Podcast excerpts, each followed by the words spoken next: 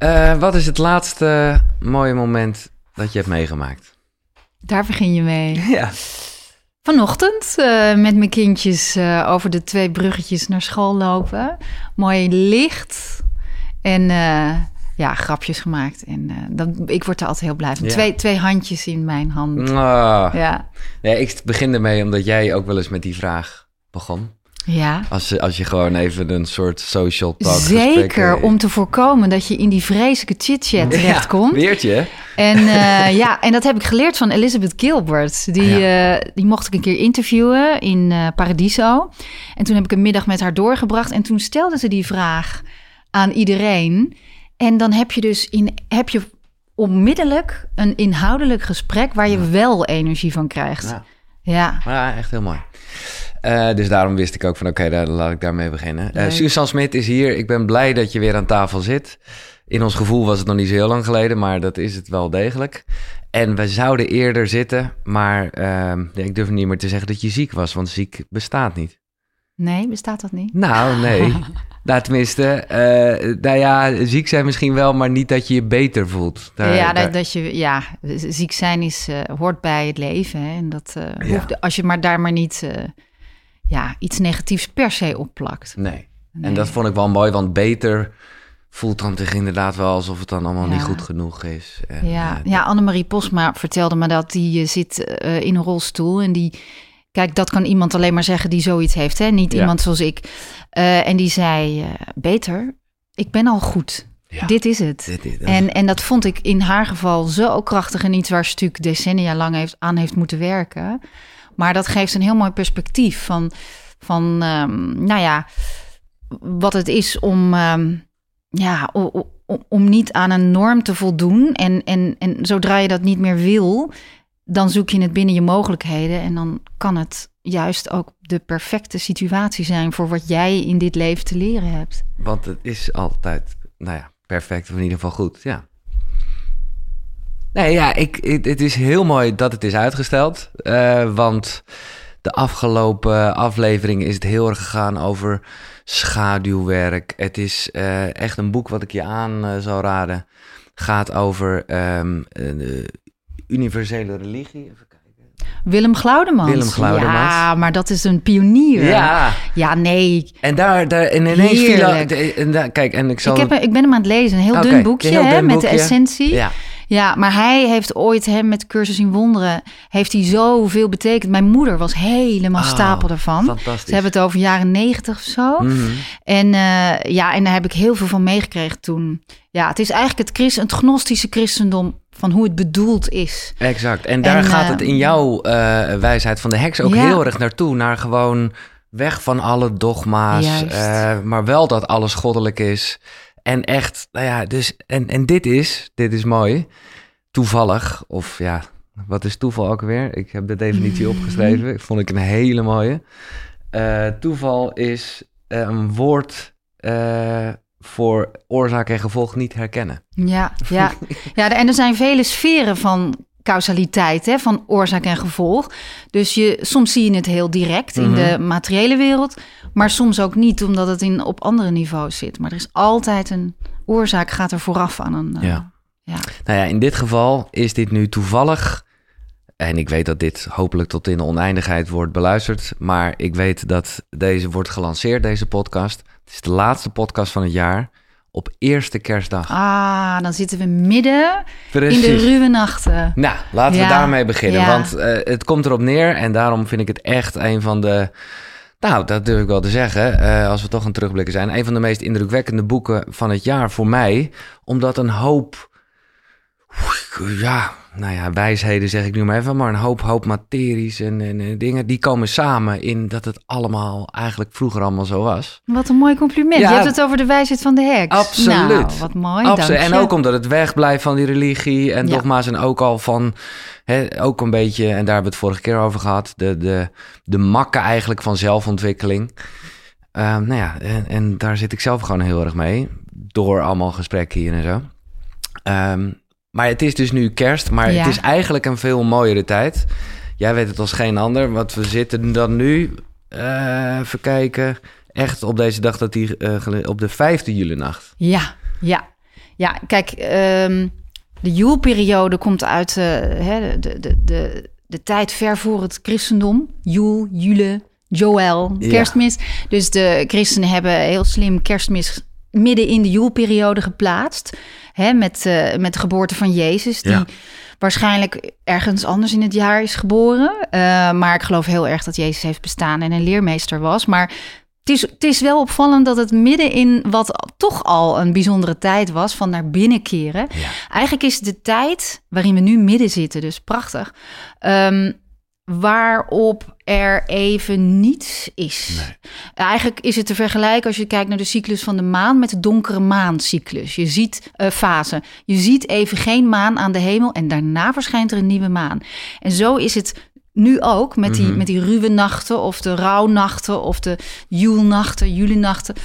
Um, dat er eigenlijk in, in, de, in het jaarwiel, in de cyclus van de zon, is er even, is het kaal, er is even niets te zien, uh, het is koud uh, en uh, de, de nachten worden steeds langer. Hè? Ja. Midwinter, 21 december is daarvan het, het hoogtepunt.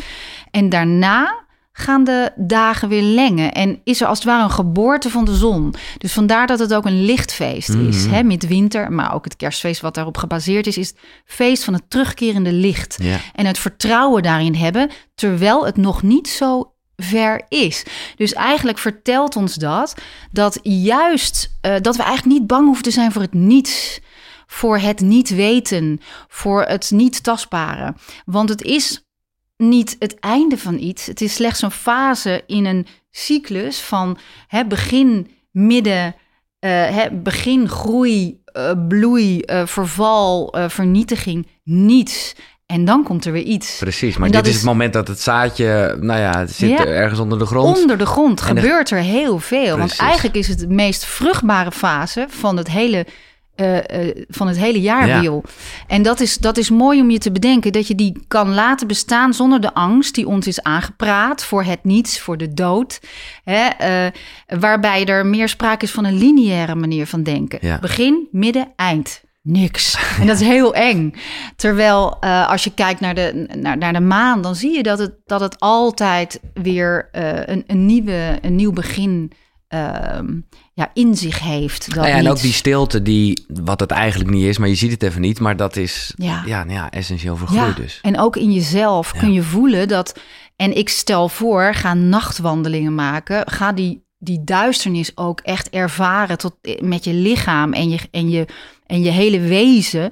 Dat je voelt van, oké, okay, uh, er mag even niet zijn. Nee. Er mag ruimte gemaakt worden. Uh, en dan zul je ook zien dat die, dat die leegte die je voelt, dat die niet meer bedreigend is, nee. maar dat die vol is van leven en, en potentie. En, uh, en, en dan kom je ook bij een diepere laag van jezelf, waarbij er straks dingen geboren kunnen worden die beter passen. In plaats van dat je vanuit de angst voor de leegte dingen al wil vullen met iets wat je al kent. Want dan blijf je eigenlijk een beetje op hetzelfde niveau hangen. Mhm. Terwijl als je uh, je comfortabel voelt bij die leegte, of je voelt je op je gemak bij je discomfort, hè, bij, je, bij je ongemak, ja. dat je denkt, dit mag ook bestaan, dan, uh, dan geef je die ruimte, uh, dan geef je die, die, die, die potenties de kans om, om in je bewustzijn naar boven te komen. Ja. Of je nou gaat mediteren, of in je dromen komt het, of tijdens je nachtwandelingen komen er ideeën in je op. Dat is, dat is eigenlijk de essentie van deze prachtige periode. En daar zit toch ook wel een beetje in die rust. En dat klinkt nu heel zakelijk, maar toch ook een beetje de balans opmaken. Van ja, dat... terugkijken. Ja.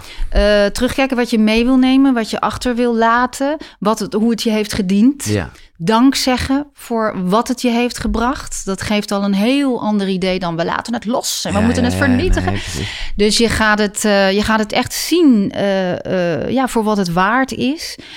Um, ja, en eigenlijk is dat al is dat eigenlijk meer de fase van, um, van verval al. Dit is echt het niet. Dit is echt even, even het niet weten. Nee. Je hoeft het niet te weten. Mag ik vragen wat jij deze dagen zo al doet, normaliter. Elk jaar ga ik inderdaad die nachtwandeling maken. Of het nou eh, laat in de avond is of vroeg in de ochtend. Alleen? Uh, ja, altijd Ja, alleen. ja. En ik woon in Jordaan, dus ik, ik loop gewoon door, de, door de langs de grachtjes. Ehm, ik ga ook altijd even eh, bij de, eh, dat zal je verbazen, maar bij de kerk naar binnen, de, de, de, bij de Westertoren.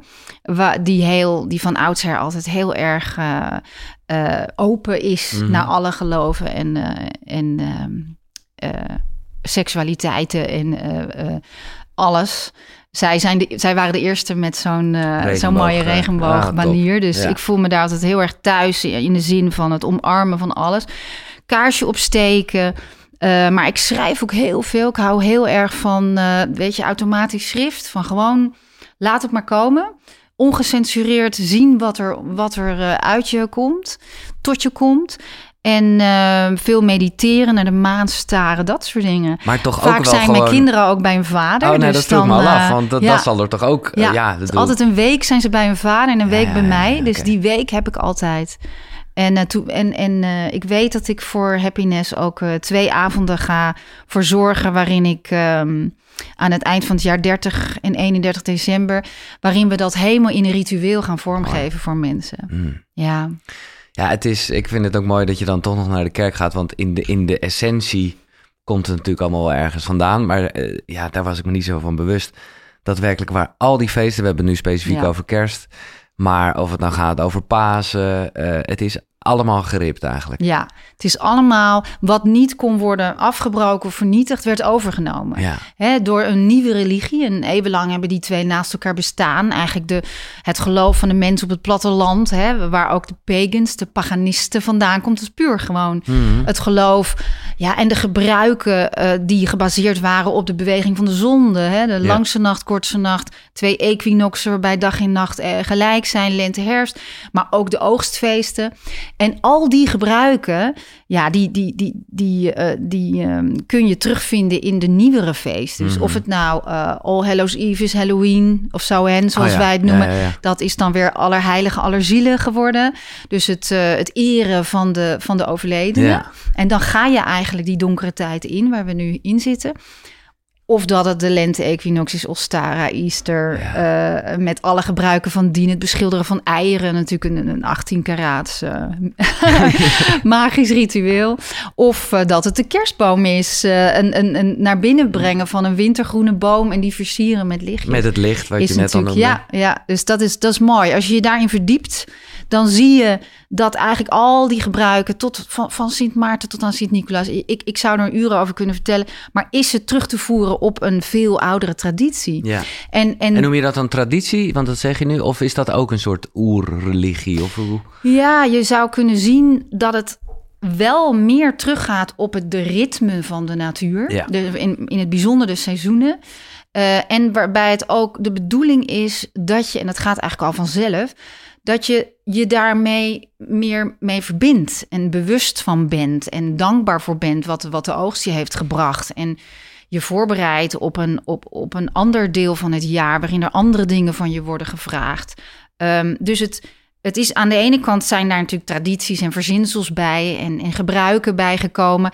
Maar eigenlijk is het heel logisch en universeel en tijdloos. En iets wat nog altijd natuurlijk gewoon geldt. Ja. Dus ik Hey, hou maar- ervan. Ja, nee, ik hou er ook van. Maar het is, zijn eigenlijk twee woorden. En bij eentje weet jij het heel erg. Want dat, nou ja, daar heb je eh, jaren geleden heks over geschreven. Maar op de voorkant van je boek, De Wijsheid van de Heks...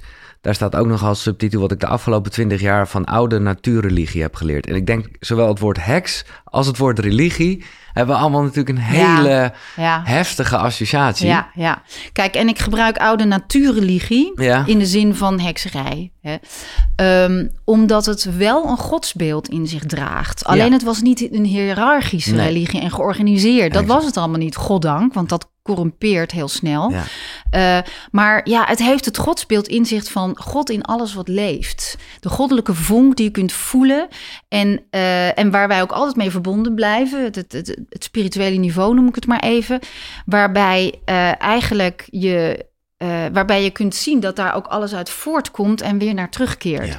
En dat is het godsbeeld. Dus in die zin is het een religie. Ja. En het is een natuurreligie, omdat we ook zien dat dat wij onderdeel uitmaken als mens van de natuur. Dus dat het een cirkel is van de plantenwereld, de mineralenwereld, de dierenwereld, de mensenwereld, in plaats van een piramide. Waarbij uh, het wordt gezien, hè, dat is een beetje in de verlichting gekomen. Mens staat bovenaan en alles wat onder ons staat, mogen wij benutten en uitnutten en gebruiken. En staat ons ten dienst. En dat is natuurlijk niet waar. Nee. Wij staan al het andere ook ten dienst. We zijn een onderdeel van. Ja, ja, en anders gaan we het niet lang uitzingen op deze planeet. En, en gaat de mensenwereld helaas. Uh, ja, daarom ben ik blij. Ik had het niet mailen gegeven, maar je bent natuurlijk uh, op de hoogte dat je, dat je Willems nieuwe boek aan het lezen bent. Want dat gaat heel erg over dit. Ja. En dat zou je dan ja, ook... de nieuwe tijd, ja. Nou, en, en um, ik zie ook, weet je, de nieuwe tijd is wel uh, iets wat...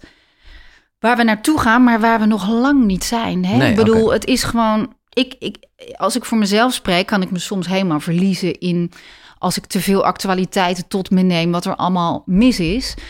Um, dat ik wel de wanhoop nabij ben. Maar op het moment dat ik weer ga mediteren, ja. dan zie ik een heel ander perspectief. Maar ik moet dat steeds verwerven. Snap je? Ik moet dat iedere keer. Ja. En als ik een paar dagen niet gemediteerd heb, dan, dan merk ik dat ik ook meega in de bepaalde energetische ja. chaos die er nu is van verandering. Hè? Een nou ja, wereld precies, maar in daarom, verandering. Daarom en zie ik het afbraak. wel positief, want het is wel even schudden. Dat hè? moet, het Ja, moet. daarom. Want je kunt niet van een ene orde naar de andere orde gaan. Daar zit altijd chaos tussen. En wij zitten nu in de chaos. En dus is het zaak dat je, dat je eh, en dat kan ik alleen maar zeggen omdat ik dat uit ervaring weet, maar dat je iedere keer weer als je merkt dat je wordt meegesleurd in die paniek eigenlijk, of je nou eh, helemaal je eh, verliest in, ehm, in eh, alle, al het wereldnieuws tot je nemen en alle Mhm. statistieken en ellende. Of dat je nou je helemaal afkeert van de maatschappij en denkt: ik stem niet meer, ik doe niks meer, ik, ik wantrouw alles. Of dat je nou heel activistisch en, en, en van alles gaat doen en, en, je mer en, en het, het, het put je eigenlijk uit. Dat zijn allemaal reacties op, eh, op, op wat er nu, ja, maar wat er nu op, op eigenlijk je verliezen in, in de paniek. Ja. Terwijl als je, eh, als je af en toe echt tot jezelf komt op jouw eigen manier, of het nou is met wandelingen in de natuur, mediteren, schrijven, wat dan ook, dan ontdek je, weet je, een groter perspectief, maar ook wat jouw rol is om bij te dragen aan die nieuwe tijd. Want het is wel degelijk natuurlijk hier en nu wat we kunnen doen. En eh, energetisch staat die wereld al. Kun je hem voelen. En kun je ook voelen dat er, weet je, de kinderen die geboren worden, dat die daar al veel, Veel meer deel van ja. uitmaken. Alleen je hebt je nog wel te verhouden tot de wereld waar we nu Ja. in leven. En dat is, dat is, dat is wat, ons, eh, wat ons nu te doen staat. Om eigenlijk te bouwen aan die nieuwe wereld. En eh, te kijken wat jouw rol daarin is. Dus iets wat niet jou te veel kracht onttrekt. Hè, want ik merk ook dat ik voortdurend wordt gevraagd: wil je, wil je hier aan meewerken? Dat. En dan denk ik soms ja, maar ehm, als ik me, als ik te veel, eh, als ik daar te veel ehm, in meega, dan verlies ik juist mijn, de kwaliteit die ik wel te bieden heb, de rol die ik wel te spelen heb. En dat is vaak schrijven, Ja, ja, ja, praten, eh, dat soort dingen. En, ehm, en, en dat geldt denk ik voor iedereen. Dat dat is wat deze tijd van ons vraagt, om jouw rol te, spelen pakken, ja. daarin. Maar ik denk wel dat tussen de regels door dat je er ook wel weer positief in staat, toch? Want je, zeker wat jij zegt met een soort nieuwe generatie die veel sneller gaat. Nou ja, Ja. andere mensen die ermee bezig zijn. Ja, dan is toch op een gegeven moment Ja. dat tipping point Ja, bereikt. Ik, ik zie dat ook zo. En ik zie ook dat, dat er. eh, ja, dat, dat alles veel sneller ontwikkelt. Dus alles gaat sneller. Er is een versnelling in nieuwe dingen en een versnelling in afbraak van oude dingen. En er is ook, zeg maar, de scheuren die ontstaan nu. eh, waardoor, we, waardoor zo zichtbaar is wat er allemaal niet klopt in Ja. machtsstructuren, Ja. in, in, in al die dingen. Weet je, het licht, het daglicht wordt daarop geschenen en we zien het. Ja. En het lijkt alsof het allemaal steeds erger wordt, maar het wordt allemaal steeds zichtbaarder. Exact. En dat is wel wat moet gebeuren. Want net als in jouw eigen jeugd bijvoorbeeld, jouw eigen zijn, Mhm. kan er iets in je verleden zijn, in je jeugd, wat, wat je niet helemaal hebt durven onderkennen nog. Wat je toen niet kon verwerken, dat was te veel. dat moet je eerst onder ogen komen voordat je het kan helen. Ja. En dat is niet per se een prettig proces. Nee. Dat is best pijnlijk. En je zou kunnen zien dat we nu met een soort collectieve heling bezig zijn, maar wel door het eerst onder ogen te zien. De waarheid. Ja, dus, er, dus het collectieve trauma eh, wat we hebben.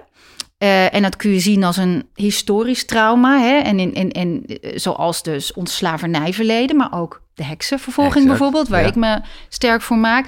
Dat is een, ehm, een ja, intergenerationeel trauma eigenlijk, wat, wat, wat ook aan ons doorgegeven is en wat nooit goed onder ogen is gezien. Dus voordat het op kan lossen, die, die, die, die zware energie die er nog steeds hangt, omdat het niet is opgenomen in wat ik noemde cirkel van transformatie. Dus hè, groei, bloei, afbraak, Ja. eh, eh, niets. En het wordt opgenomen in een soort oersoep en dan kan het weer iets worden. Als dat niet is gebeurd, dan blijft het hangen. Dan wordt het in je lichaam is het een blokkade. Ja. In de wereld kun je het zien, kun je het voelen op bepaalde plekken. En wordt het ook in ons mensen steeds doorgegeven. Totdat er iemand is die, eh, die dat hè, in een bepaalde generatie wel onder ogen gaat zien. En letterlijk zijn- aan het licht brengt ja, eigenlijk. Ja, en eigenlijk zijn rechtmatige plek in de geschiedenis geeft. Want dat is het meer dan loslaten. Nee, Ja. het is een plek geven. Ja. En het is eigenlijk achter je laten. Dus als collectief hebben we, hè, en, en eh, als we het even bij de heksenvervolging laten, hebben we dat een, een, een, een plek te geven. Eh, ook in de geschiedenisboeken. Ook in, eh, weet je, een, een, een, een, bijvoorbeeld een, een eerherstel van die, van die Ja. vooral Nou, vrouwen. dat heb jij gedaan hè, met Ja. jouw hoofdpersoon eh, uit je roman De Heks van Limbricht. Entrecht, ik? Entgen, ja, Entgen, ja, ja. ja. Sorry, ik heb boek eh, nog... Ik, ik. ik, ik- ja, maar ik ga je het wel gaat doen. hem nog lezen? Ik, heb ga hem hem nog pas aan lezen. je gegeven. Maar ik ben gewoon normaliter, ja, ik ben echt zo'n zelfhulpboek junkie. Waardoor ik maar gewoon in denk een van, roman kun je stiekem heel ik veel veel meer van hè? overtuigd inmiddels. Dat verhalen gewoon eigenlijk veel meer deuren openen. Ja, goed. ja, want ik durf ook veel meer te zeggen. Want het is toch het personage wat het zegt. Die beweert dat toch? En dan kan ik heel veel meegeven. Dit Entgen is een vrouw, en dat was ook echt zo... die echt ook heel erg begreep hoe het zat met de, de, de positie van de mens ten opzichte van de natuur. En dat is een oude kennis die we weer terug eh, moeten vinden. En iemand als Entgen kan dat heel goed Ja. uitleggen. En zij heeft, dus zo kwam ik erop, jij hebt, of jullie hebben ervoor Ja. gezorgd dat zij ook echt een standbeeld heeft gekregen. Ja, twee zelfs. Oké. Twee zelfs. En eh, ja, dus van alles gaande eh, rondom Entgen. Ook weer nieuw onderzoek eh, geweest... wat nieuwe feiten aan het licht heeft gebracht. Ehm, er komt een film, het wordt verfilmd. Ja, ja het, is, het, is, Vet. het, is, het is... Zij is een, gewoon een heel mooi voorbeeld...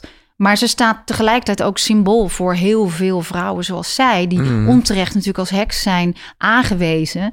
Terwijl ze of eh, eh, mondig waren of lastig waren of eh, een, een oud beroep uitoefenen zoals voetvrouw hè, of kruidenvrouw, hè, waar, wat, wat niet meer als, eh, ehm, wat niet meer als, als handig werd gezien, omdat er eigenlijk mannen dat domein wilden gaan overnemen, hè, de, de heren doktoren. En vanaf dat moment was het natuurlijk heel, nou ja, convenient om Bam, die vrouwen gewoon heks. als heks eh, nee, maar en- echt en crazy. klaar. Ook, want ook soms gewoon echt vette business in de bierwereld. Ja, in Schotland is ontdekt dat inderdaad vroeger waren de bierbrouwsters waren vrouwen. Die hadden een puntmuts. Precies. Ze hadden een zwarte kat natuurlijk om de, om de of of kat om de, de muizen weg te houden. En ze roerden in een grote kookpot. Nou ja, je kunt het je voorstellen. En, eh, maar op een gegeven moment, ja, was een lucratieve business en wilden mannen dat overnemen. En, en, en zijn dus in Schotland heel veel vrouwen die bierbrouwers waren als heks aangewezen, uit de weg geruimd. En daarna werd het een mannenberoep.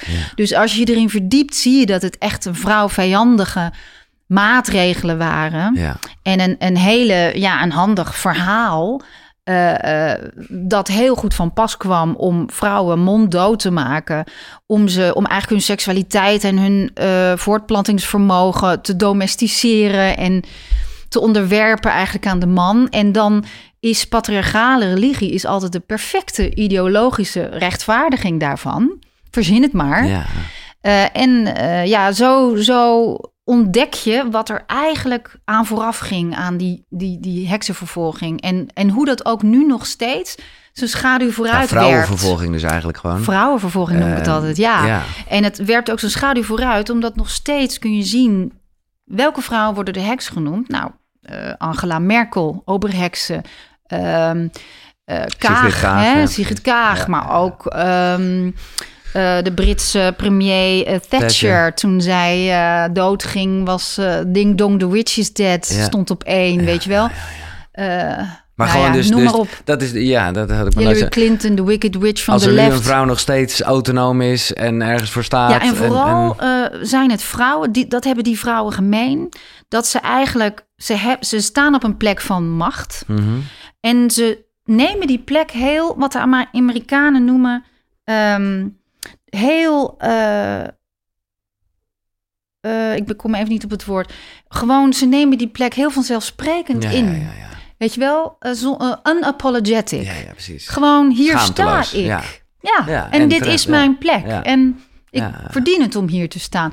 En dat is heel vaak nog een stapje te ver. En dan komt het woord heks om de hoek kijken. En dat is interessant. Eigenlijk dus een compliment.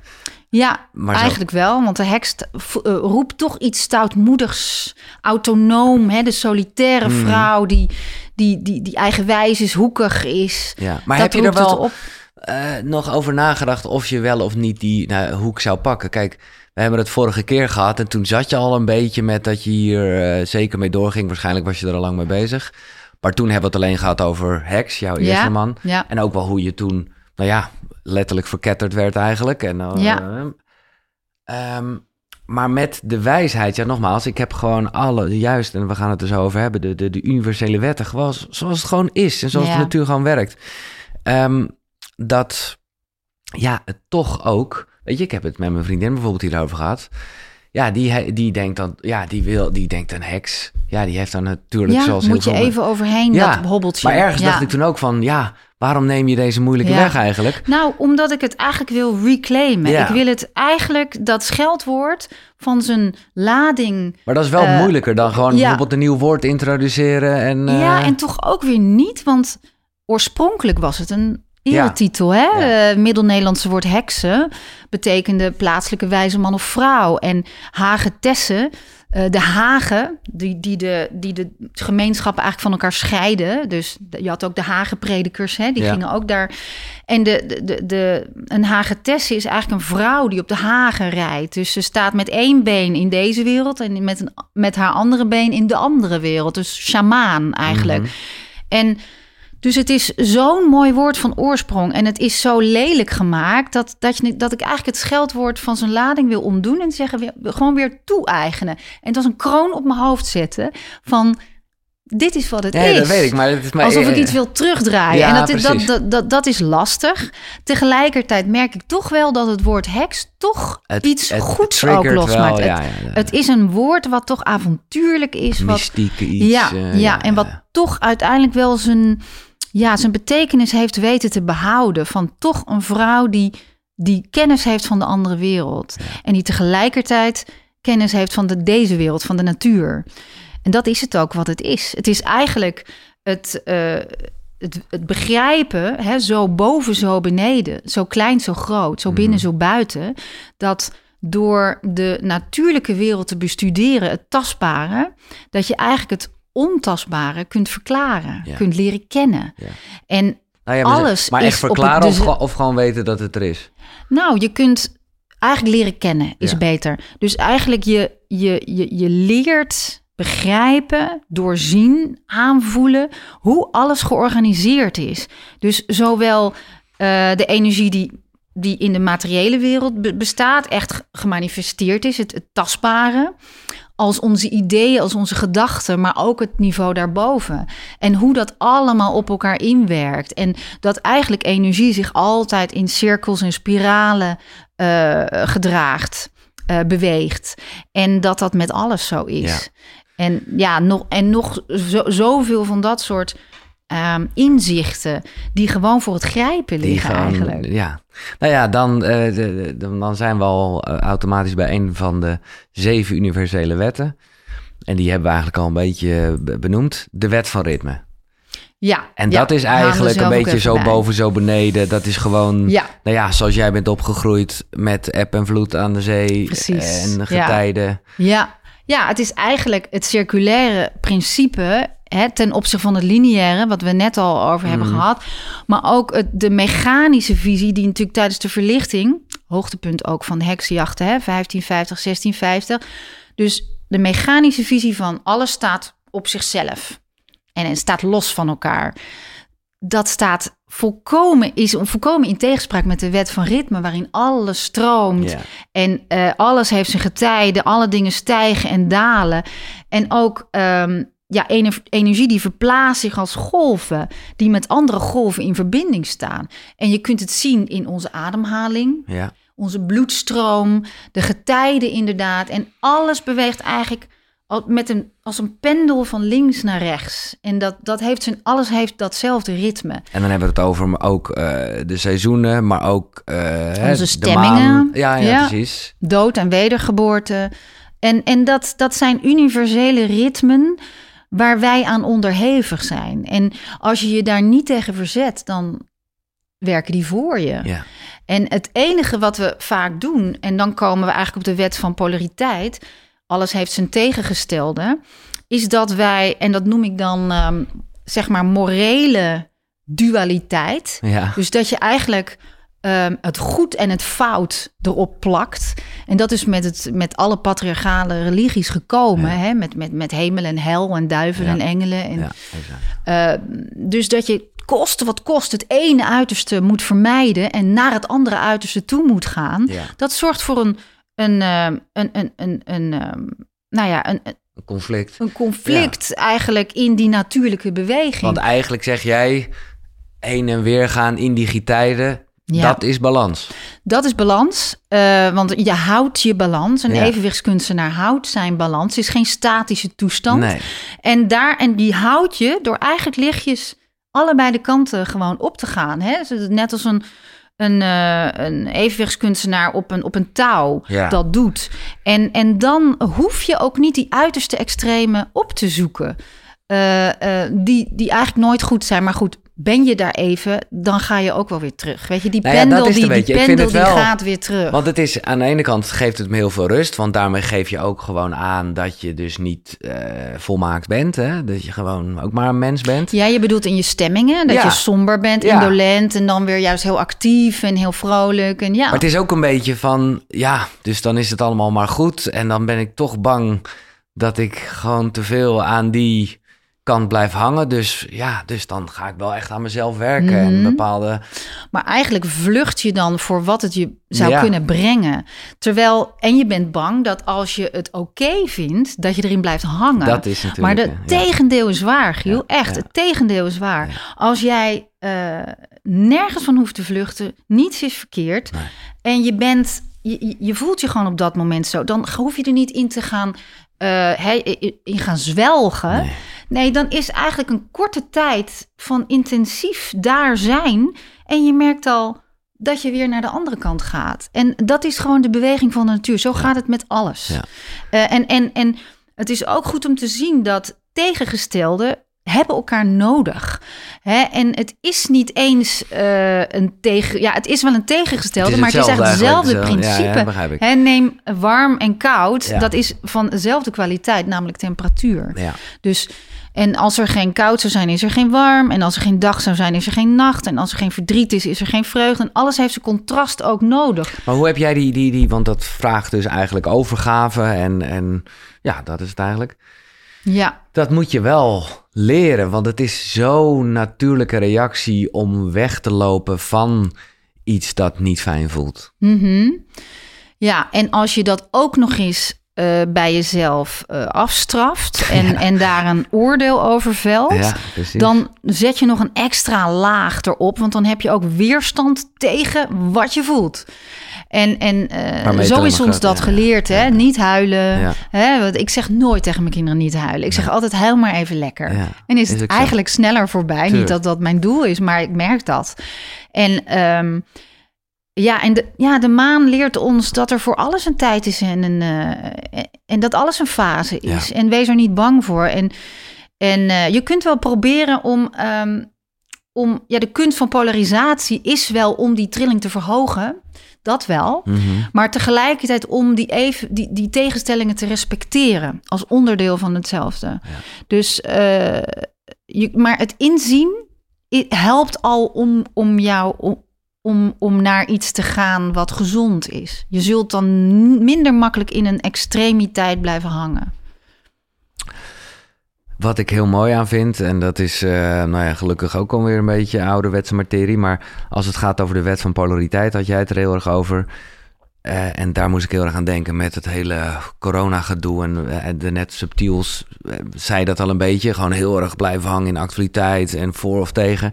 Ja. Jij zegt eigenlijk zoek de overeenkomsten in de verschillen. En die zijn er gewoon natuurlijk heel erg. Ja, hè, als je het... eh, en dat doe ik altijd. ja, maar dat is echt een mooie. En ik heb dat een gegeven moment ook wel met een afstandje gedaan, omdat ik me gewoon even nergens meer thuis voelde. En dacht, je. en dacht, Ja. ja, maar dit is gewoon mij Ja. te extreem. En dan Ja. ben je alleen maar daarmee bezig. Ja. Eh, nou ja, en andersom net zo. Ik heb dat ook zo gevoeld. Ehm, en ik, het is altijd mijn rol geweest om ehm, eh, kritisch te zijn naar beide werelden. Ik sta exact, ook in de, in de, laten we zeggen, de, ja, hoe noem je dat? De nuchtere wereld, de, de Ja. dagelijkse wereld en in de spirituele gemeenschap. Ehm, en naar beide ben ik kritisch. Niet wantrouwend, maar kritisch. Is echt iets anders. En eh, ik heb ook gemerkt dat dat reacties oproept. eh, en dat men heel erg eh, dogmatisch Ja. is in, in denken. Ook in de spirituele gemeenschap. En dat, dat, dat heeft mij best wel verdriet gedaan. Ehm, en tegelijkertijd denk ik, dat is ook weer een fase. Maar kijk, we zitten nu in die chaos, in de verwarring. Eh, en dan zijn er groepen die met een verkeerde agenda eigenlijk die verwarring misbruiken eh, om, om de macht eh, Ja, te ja, ja. pakken. Dus ik ben het er ook mee eens dat de machtsstructuren, hoe, hoe ze nu zijn en ook de, hoe we onze maatschappij hebben georganiseerd, ja, is, is niet meer houdbaar, moet Mm. anders. En is, je, je kunt van alles erop aan te merken hebben. Maar eh, dus daar ben ik kritisch naar. Maar ik ben ook kritisch naar sommige ehm, theorieën, complottheorieën, waarvan ik denk: oh ja, maar wat is, maar wat is de bron daarvan? Wat Precies, is hun agenda? Wat zit Precies, daarachter? Want ja, ja. er zijn altijd in een, in, een, in een tijdsgewricht waarin dingen verschuiven, waarin er echt beweging te zien is, zijn er ook krachten die ook tegen de heersende macht zijn. Maar een- als die het gaan winnen, wordt het er niet beter op. Nee. En die weten wel te manipuleren. Ja. Dus het enige wat ik echt altijd vraag van mensen, ook in de spirituele wereld, daar schrijf ik over, blog ik over, weet je, voor happiness en al die Ja. dingen. Wees ook kritisch naar wat je vanaf die kant geserveerd krijgt. Ja. En als je niet zeker bent of het klopt, of het fake news is of niet, deel het niet. Want dat is onze verantwoordelijkheid in deze tijd. Draag niet bij aan de paniek. Eh, eh, wijs naar waar de rust is. Ja. En de rust zit in jezelf en in, eh, in het losmaken daarvan. In het gewoon en in de natuur kan je ook heel erg tot rust brengen. En kijk naar het nabije. En de natuur is ook die boom aan de overkant van je huis. En zien hoe de seizoenen met die boom speelt. En, en de wind door je haar als je je wandelingetje maakt. Hoeft niet groot te zijn. En spiritualiteit is ook heel tastbaar en heel erg eh, in, in het hier en nu en logisch. Ik ben het hele de wijsheid van de hek staat vol met met hele logische Absoluut. dingen en dagelijkse dingen. Want ik ben allergisch voor het heel ingewikkeld en, en mysterieus maken. Mhm. Want dan zet je het zo ver weg van Ja. de mensen. Terwijl het is juist in het, heel erg in jezelf te vinden. Ja, dat vind ik wel mooi. En dat heb je destijds ook eh, in, in het boek van eh 20 jaar geleden Ja, in. Hex. Wat, dat was heel erg het onderzoek. En daarin was ook wel een soort van relaxedheid, maar was het nog wel een beetje van eh, Oeh, een altaartje zo ja. en een dingetje Oh, ik dat... heb alles gedaan zoals het moet. natuurlijk, maar Alles. dat is ook top. En om dat, het daarna weer los te laten. Exact. En dat, Ja, dat, ja. dat, dat voelt wel heel erg uit En daarom merk ik dat ik bij religie, natuurreligie, dat ik dan nog denk, oh, maar dan moeten dingen. Ja, nee, Als je het echt leest, helemaal dan niet. is het juist. Doe wat je wilt, mits exact. het niets of niemand schaadt. Dat Nee. is de basisregel. Ja, ja. Hè, do no harm, but take no shit. Ja, zeg ik ook wel eens. dat is helemaal. En eh, nee, eh, absoluut. Ik, ik, ik heb het ook ontdaan van alle regeltjes en dingetjes waarvan ik dacht van... oh, maar dat is ook maar eens bedacht door mensen. Hè? Ja. Uh, en, en, en, en dit is de essentie. Ik kan magie bedrijven. Op mijn kussentje dan heb ik niks nodig. En ik kan een cirkel trekken gewoon in gedachten. Ja. Dan ga ik niet meer met een atame. En daar zeg ik ook niks meer bij. Weet je, het is, het is heel erg ehm, uitgekleed eigenlijk nu bij mij. En dat past ook wel bij Ja. me. Het is, ik, ik heb een, een geestelijke manier van rituelen doen, magie bedrijven, dat soort dingen. Maar ik hou Wat ook van wegneemt- vuur, vuurtjes stoken. Ja, ja, precies. En, en, in mijn keteltje hoor. en dat, dat, Ja. eh, soms kan dat wel een soort tool zijn om Zeker, in een bepaalde staat te komen. Of Ja, eh, ja, absoluut. zelf die stap te maar zetten. als je vaak genoeg... Want de alfa-status inderdaad waar je in wil komen. Alle shamanen hebben dat en heel veel mensen hebben het daarover. Dat is wat heksen natuurlijk al, al, al eeuwen doen. Is eigenlijk eh, een bewustzijnstoestand bereiken eh, samen, hè, in een Mhm. kring of, of alleen.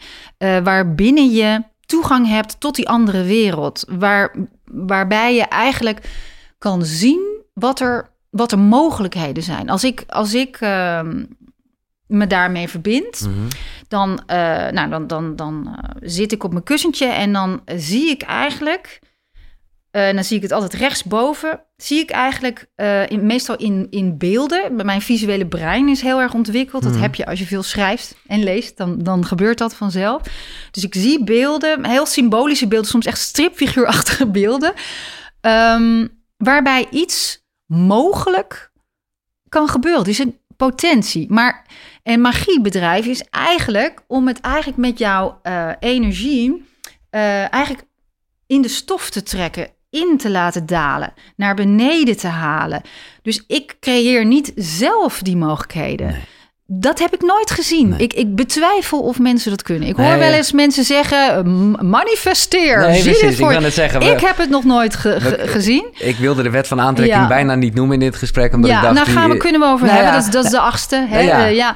Maar, eh, maar kijk, eh, vanuit een soort, ehm, ja, dat, dat, dat, dat spirituele niveau noem ik het maar even. Je hebt er vele namen voor. Eh, zie je wat er, wat er mogelijk te gebeuren staat. Maar de, je hebt natuurlijk ook altijd je vrije wil. Dus het is echt zo dat, dat de vrije wil van mensen, hun handelingen, die werken daarop in. Ja. Jouw vrije wil werkt daarop in. Je grootste magische kracht bevindt zich niet in de toekomst of in dingen, is, is nog altijd het hier en nu. Ja. Wat je nu besluit te doen. Ja. Dat is nog altijd je grootste Dus het is, dat vind ik wel mooi. verantwoordelijkheid en kracht. Het is, Maar je kunt het wel naar beneden trekken.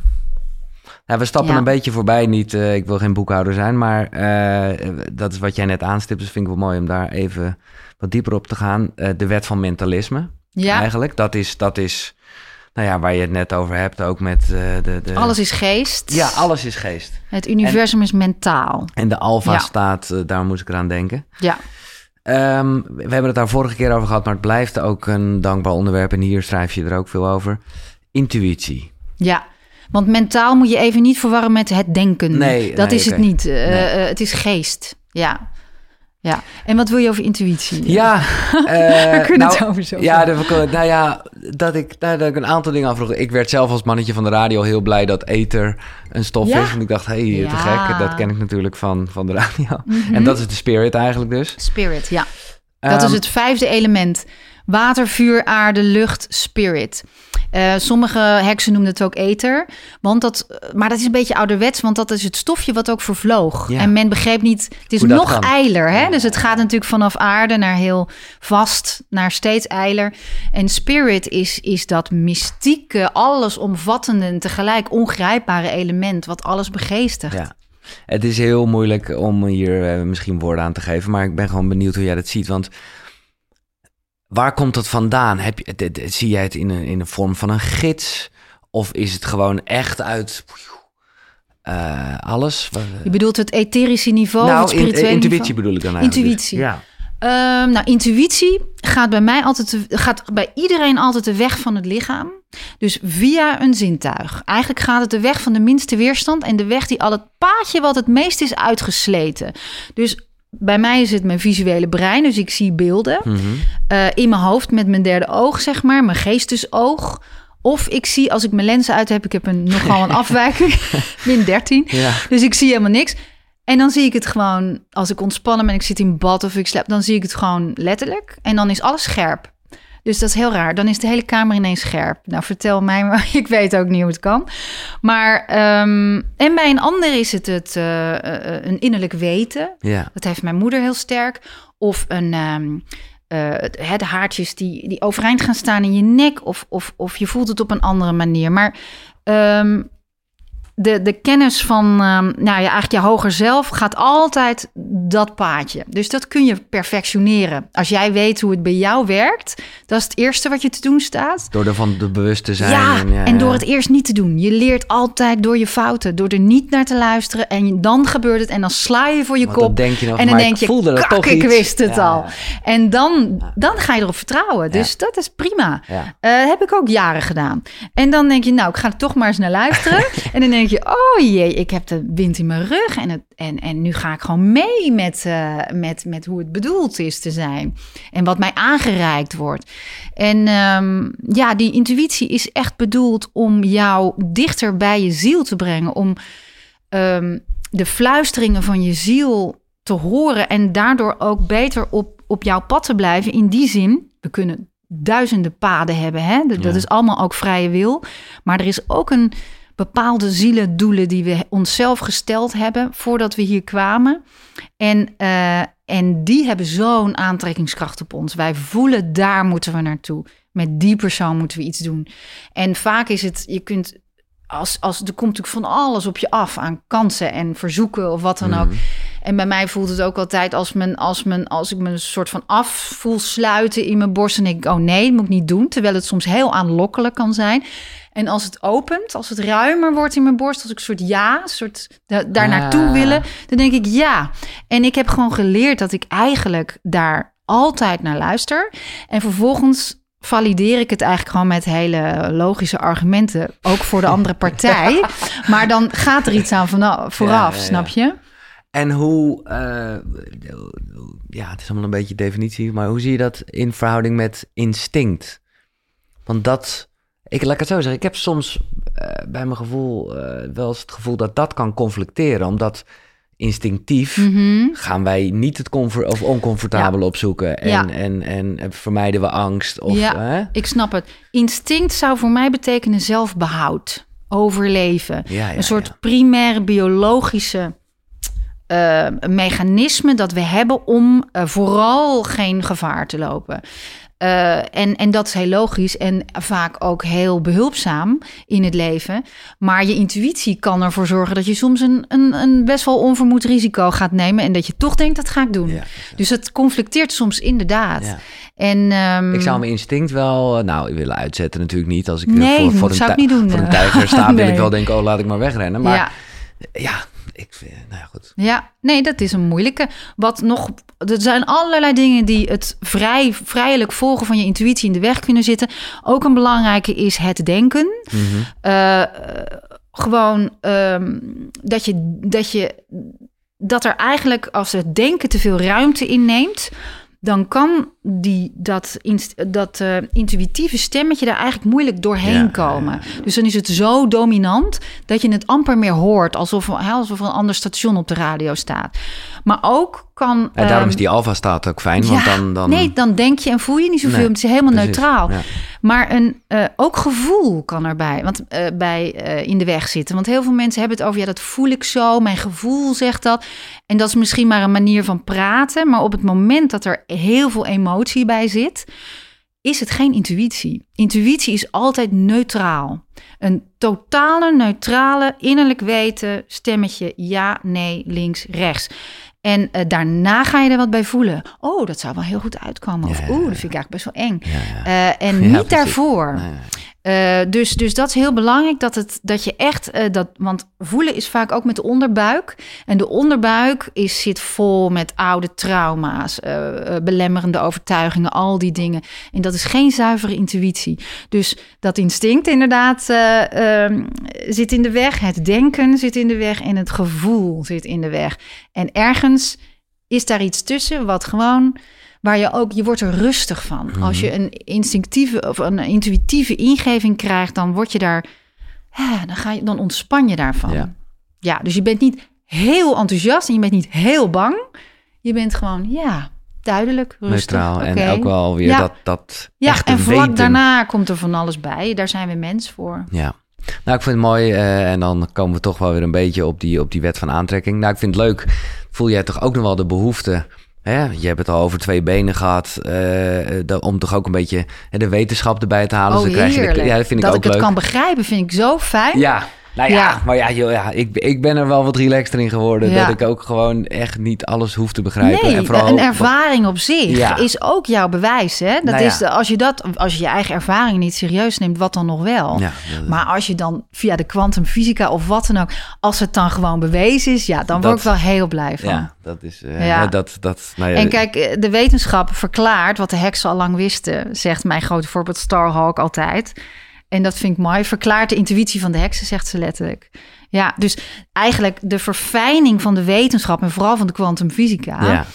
Is eigenlijk, ja, dat loopt achter, de, ja, achter hoe het is aan natuurlijk. Het brengt steeds meer in kaart, omdat het steeds subtielere energievormen ook überhaupt kan herkennen. Nou ja, en gewoon dat crazy, uh, dat het dat het dus letterlijk echt verandert of je het onderzoekt of niet. Hè, met die, ja, en wat je verwacht. De verwachting van de onderzoeker uh, bepaalt voor een deel welke kant het deeltje opgaat. Ja, ja dat soort Stop. onderzoeken zijn fantastisch. Want dat betekent dus dat, we, dat alles met elkaar in verbinding staat. Ja. Maar de wet van aantrekking dan toch even benoemen. En daarin oh, uh, is het gewoon heel mooi om niet voordat jij zegt op een gegeven moment of schrijft uh, dat het niet moet gaan om het doel, maar om de bedoeling. En dat vind ik een hele essentiële waar het natuurlijk vaak misgaat. Uh, ja, eigenlijk ja. Wel, ja. Bij uh, wat tegenwoordig zo graag manifestatie, manifesteren wordt genoemd. Ja. Kijk, um, dat gaat heel erg uit van ik regisseer mijn leven, ik bepaal. Hè? En, en ik, ik, ik, het is ook een deel van de werkelijkheid. Is ook echt dat wij heel veel bepalen in ons eigen leven. Uh, dus de eigen verantwoordelijkheid hè, is daarvan het prijskaartje. Onze aansprakelijkheid voor dat wat voor ons gedrag. En hoe we de dingen sturen. Tegelijkertijd zijn we natuurlijk, ja, moeten we ons bescheiden opstellen. Want wij zijn uh, onderhevig aan een grotere orde, aan een goddelijke, ja. Uh, um, niveau, mm. waar wij gewoon uh, ja, dienstbaar aan zijn. En waar we helemaal niet, niks mee kunnen beginnen om daar iets tegen te willen doen. Of we kunnen, wat we kunnen doen is inderdaad ontvankelijk zijn en je laten leiden. Ik, ik eindig altijd al mijn, zeg maar, mijn. Uh, ja, mijn, mijn spreuken met voor het welzijn voor allen en zo zal het zijn. Ik, ik, maar het kan eigenlijk niet eens als het niet voor het welzijn voor allen is, is het ook niet voor mijn welzijn. Want alles is verbonden. Um, en kijk, uh, op het moment dat je heel sterk een doel stelt, um, loop je al het risico dat je eigenlijk in de, uh, je ego ook volgt. Dus de, de, de wensen van je ego komen dan snel binnen. Um, waarbij het gaat om hè, de, de, eigen, de eigen wensen en, en het individu. Terwijl als je natuurlijk um, ja, veel meer jezelf openstelt voor ja, wat jij te doen hebt, wat jij jezelf tot taak hebt gesteld, een hogere doelen die je hebt, dan, uh, dan, dan ben je al snel gewoon in dienst van het hogere. En dat, dat is wat je wil. Dat is wat ook het, het ver, waarmee je het verste komt. Ja. En in de zin van een verschil maken ten goede voor iedereen en alles wat leeft. En uh, de oude religie, zoals ik hekserij graag noem, gaat altijd uit van het geheel. Uh, het geheel aan, aan, aan alles wat leeft is, is tegelijkertijd benut elkaar en is dienstbaar aan elkaar, is afhankelijk van elkaar. En ja, dat is een oude zienswijze waar we weer naar terug Ja. moeten. Ook voor de nieuwe wereld, hè, de nieuwe realiteit die er aankomt over een aantal generaties. Eh, en dat is ook waarom ik deze boeken wilde, moest schrijven. Ja. Oude kennis weer, weer terughalen, omdat, het een, omdat, het, omdat we het nodig gaan hebben voor die nieuwe wereld. Het is de weg terugvinden. Maar dan in een nieuw jasje. Want het, eh, de, de- hè, ik geloof ook wel dat het straks weer op een eigen, in een eigen vorm weer gaat gegoten gaat worden. Hè, als, als we het heel hoog bekijken ja, van de structuren die nu uit elkaar vallen en wat komt daarvoor in de plaats, dan hebben we dus die oude wijsheid weer nodig. En ja, ik, ik voel wel een taak om die weer, wat betreft Europa, hè, want we, we hebben ook heel vaak in de New Age ook gezocht naar het oosten en daar die Ja, kennis, maar ja. onze eigen spirituele wortels. En, en, wat, en wat daar nog van overeind blijft. En dat is veel, want het is tijdloos en universeel. Dus, en dat hebben we nog heel erg nodig straks. En eh, ja, niet alles kan nog naar beneden komen, maar je kan het ook al heel erg op een andere laag manifesteren. Snap je wat ik bedoel? ja, ik Terwijl het niet manifest is nog, Nee. maar je haalt het al een stukje naar beneden. Ja. En dat is in de bewustzijn van mensen. En eh, ja, Dan is het er al en dan komt op een bepaalde manier is het er dan al en kan het pas echt in de stof dalen als de wereld, de werkelijkheid hier daar klaar voor is. Maar ik vind het mooi, ik zei eerder al, dat het heel veel... Nou ja, dat is ook denk ik eh, het autonome, wat een, eh, wat, nou ja, hoe positief of negatief je ook denkt over het woord heks, dat zal het altijd in zich hebben. Ja, Er zit dus ook heel veel vrijheid in, maar dus wel als het niemand anders gaat. ja. Doe wat je wil, mits het niet Ja. of niemand schaadt. Maar dan ben ik ineens toch wel cynisch, maar dat had ik net al een beetje toen je het had Tot over op zekere hoogte. ego. Nee, maar, nee, ja. maar gewoon meer dat ik denk van ja, poeh, zou, zouden we dan echt allemaal, zou, zou, zou bij iedereen dat ego verbranden en we alleen maar vanuit onze Hmm. nee, nee, ziel... Nee, nee, nee, het ego moet niet verbranden. Nee, het ego moet zich eerst opbouwen eh, in je leven om je te kunnen handhaven. En daarna mag je het weer voor een deel afleggen. Ja. En hoe ouder we worden, hoe makkelijker dat ego af te leggen valt. Want dan zien we weer het wezenlijke. En we, hè, Rachel Cusk, een, een schrijfster die ik erg bewonder, die, die zei: I don't feel like I'm getting older. I feel like I'm getting closer. Hmm. En dat is wat ik zelf ook voel met ouder worden. Dat ik denk, ik begrijp steeds meer wie ik ben, wat ik hier te doen heb. En ehm, ja, en dat is, dan ben je ook van het grootste Ja. nut voor alles. En Ja, dat, dat betekent kroon, toch noem je, noem je een dat? kroon, ja, dat is inderdaad de eh, postmenstruele eh, vrouw. Dat ben ik nog niet, maar daar, ik sta Oh, sorry. voor die poort. Excuus. Nee, 50 plus. Ik ben Oh, 50 48, ik ben bijna Oh, ja, ja, ja. 49. Ik-. Nee, ik vind, ik vind mijn leeftijd heerlijk. Ehm, en ik, ehm, maar ik, ehm, ja, een kronen die eh, is eigenlijk klaar. Dat is een fase. Ik heb ooit het boek Wijze Vrouw geschreven. 2003, toen ik als dertiger heel erg eh, zocht naar die rolmodellen. Ja. Nu Oh, met ben al ik die zelf, wijze mannen, ja, vrouwen. Ja, en nu ben ik zelf bijna 50. Ja. Ehm, en eigenlijk is die een beetje klaar met zorgen voor haar gezin, voor het nabije. En is klaar om zich te gaan bemoeien met de je wereld. hebt, je hebt zeg maar maagd, moeder... Wijze vrouw, kronen. Ja, kronen, ja, ja, ja. Dus eh, ja, en dat hangt weer samen met de fase van de maan. Eh Makka hoor je ook wel eens, dat is een tussenvorm dat we nu langer leven. Maar ehm, eigenlijk is het, eh, ja, is, is dat, zijn dat de fasen in een vrouwenleven. Ik heb ook wijze mannen geschreven, dus ik, ik, ik ben ook heel erg voor de echt een mooie mannelijke energie. We hebben het nu heel erg over vrouwen. In de heksvervolging was ook 15% man, hè. En eh, het, we hebben het over vrouwelijke waarden van het geheel. Maar er zijn ook mannelijke waarden nodig en mannelijke energie. Nou, dat brengt me bij iets waarvan ik wel dacht... Ja, nou goed, dit is, het, loopt allemaal, glijdt lekker in elkaar over. Ja. Eh, omdat, nou, ik toevallig gisteren, ik zit met Willem Glaudemans in een soort praatgroepje. Oh. Ik, eh, het is echt top. Wauw. En nou ja, zoals je weet dus, de cursus is heel erg met dat ego. ehm, nou ja, dat het eigenlijk, dat het helemaal niet bestaat. Eh, of dat het onzin is. En ineens, want we hadden het over, nou ik kan het niet helemaal meer terughalen, maar we hadden het gewoon een beetje over eh, de Heilige Geest en jezelf en hoe dat een soort piramide is. Ik leg het nu een beetje warrig uit. maar ineens dacht ik, oh ja, je zou, dat, je zou het ego gewoon eigenlijk ook kunnen zien als een schaduw. Dus dan is het er wel degelijk. Maar, En een vehikel. maar ja, maar het is er, precies, maar het is er ook niet echt. Op het aardse niveau Ja. heb je het wel nodig Exact, even. exact. Want anders overleef je niet, hè? Ik Dat zie nu bij mijn kinderen, die zijn 9 en 12, dat dat ego eh, is zich aan het vormen. Ja, Maar het hoeft niet je te corromperen. Het hoeft Nee. niet. ehm, eh, het, het is niet een duivels iets wat je kwijt moet of Nee. zo. maar hoe, la- hoe- want als jij nu in het boek van Willem bent, daar, Ja, half, halverwege. ja, daar wordt dat Ja. natuurlijk wel à la cursus in Ja. wonderen. Ja. Ja. duivel zal het natuurlijk nooit genoemd worden. Nee, maar het heeft natuurlijk een christelijke oorsprong. Hè? Ja. Dus die, die, eh, Ja. dat, is ook de, dat zijn ook de woorden die gebruikt worden. Ehm, eh, ja, nee, ik, ik, ik zie...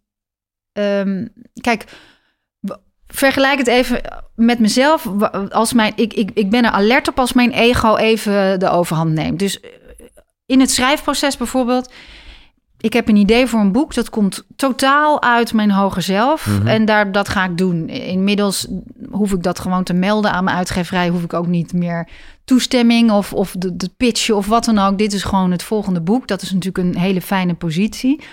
Ehm, als ik het schrijf, ben ik ook nog helemaal in contact. Niets in mij is behaagzuchtig of denkt commercieel. Hoe kan ik, hè, hoe Nee. kan ik zoveel mogelijk boeken verkopen? Hè, hè, nou, laatste fase, mooi opschrijven, covertje eromheen. En op een gegeven moment, ja, gaat het bijna uitkomen. Ja. Ik kan er niks meer aan doen. En dan komt het ego binnen. En die denkt, jezus, vinden ze dit? Wat gaan ze hiervan vinden? Hmm. Wat gaat de Volkskrant nou weer schrijven? Die schrijft altijd klote stukken over mijn boeken. Terwijl Dit ik, dat is mijn lievelingskrantje. Hè? Dus ook, is, ook, over de heks van oh, nee, daar hebben ze niks over geschreven. Maar goed, eh, Dat, ja. eh, de volgende zal ik wel weer even voor me kiezen krijgen. nee, maar snap je? Eh, dus angst, toch willen behagen. eh, Ja. maar ook misschien wel gewoon op nummer 1 komen. ja, hoe hoog de eerste, ach, Ja. de eerste week als het boek net uit is, dan heb je dinsdagavond een telefoontje van je uitgever Ja. hoe hoog die de volgende Tuurlijk. dag staat of niet. Dan komt dat er allemaal bij. En dan verlies ik mezelf daar nou, twee weken in. Komt er genoeg, is er genoeg pers, al die dingen. Ja. Want je wil dat boek ook de wereld inbrengen, wereld in begeleiden. Maar er zit ook iets bij van zelfbehoud en, en dat soort dingen. En dan denk ik altijd maar, ja, Suus, dan ga je weer even door een hoepeltje springen het circus in. en ik ben ook mens en dan vergeef ik dat mezelf. Ja.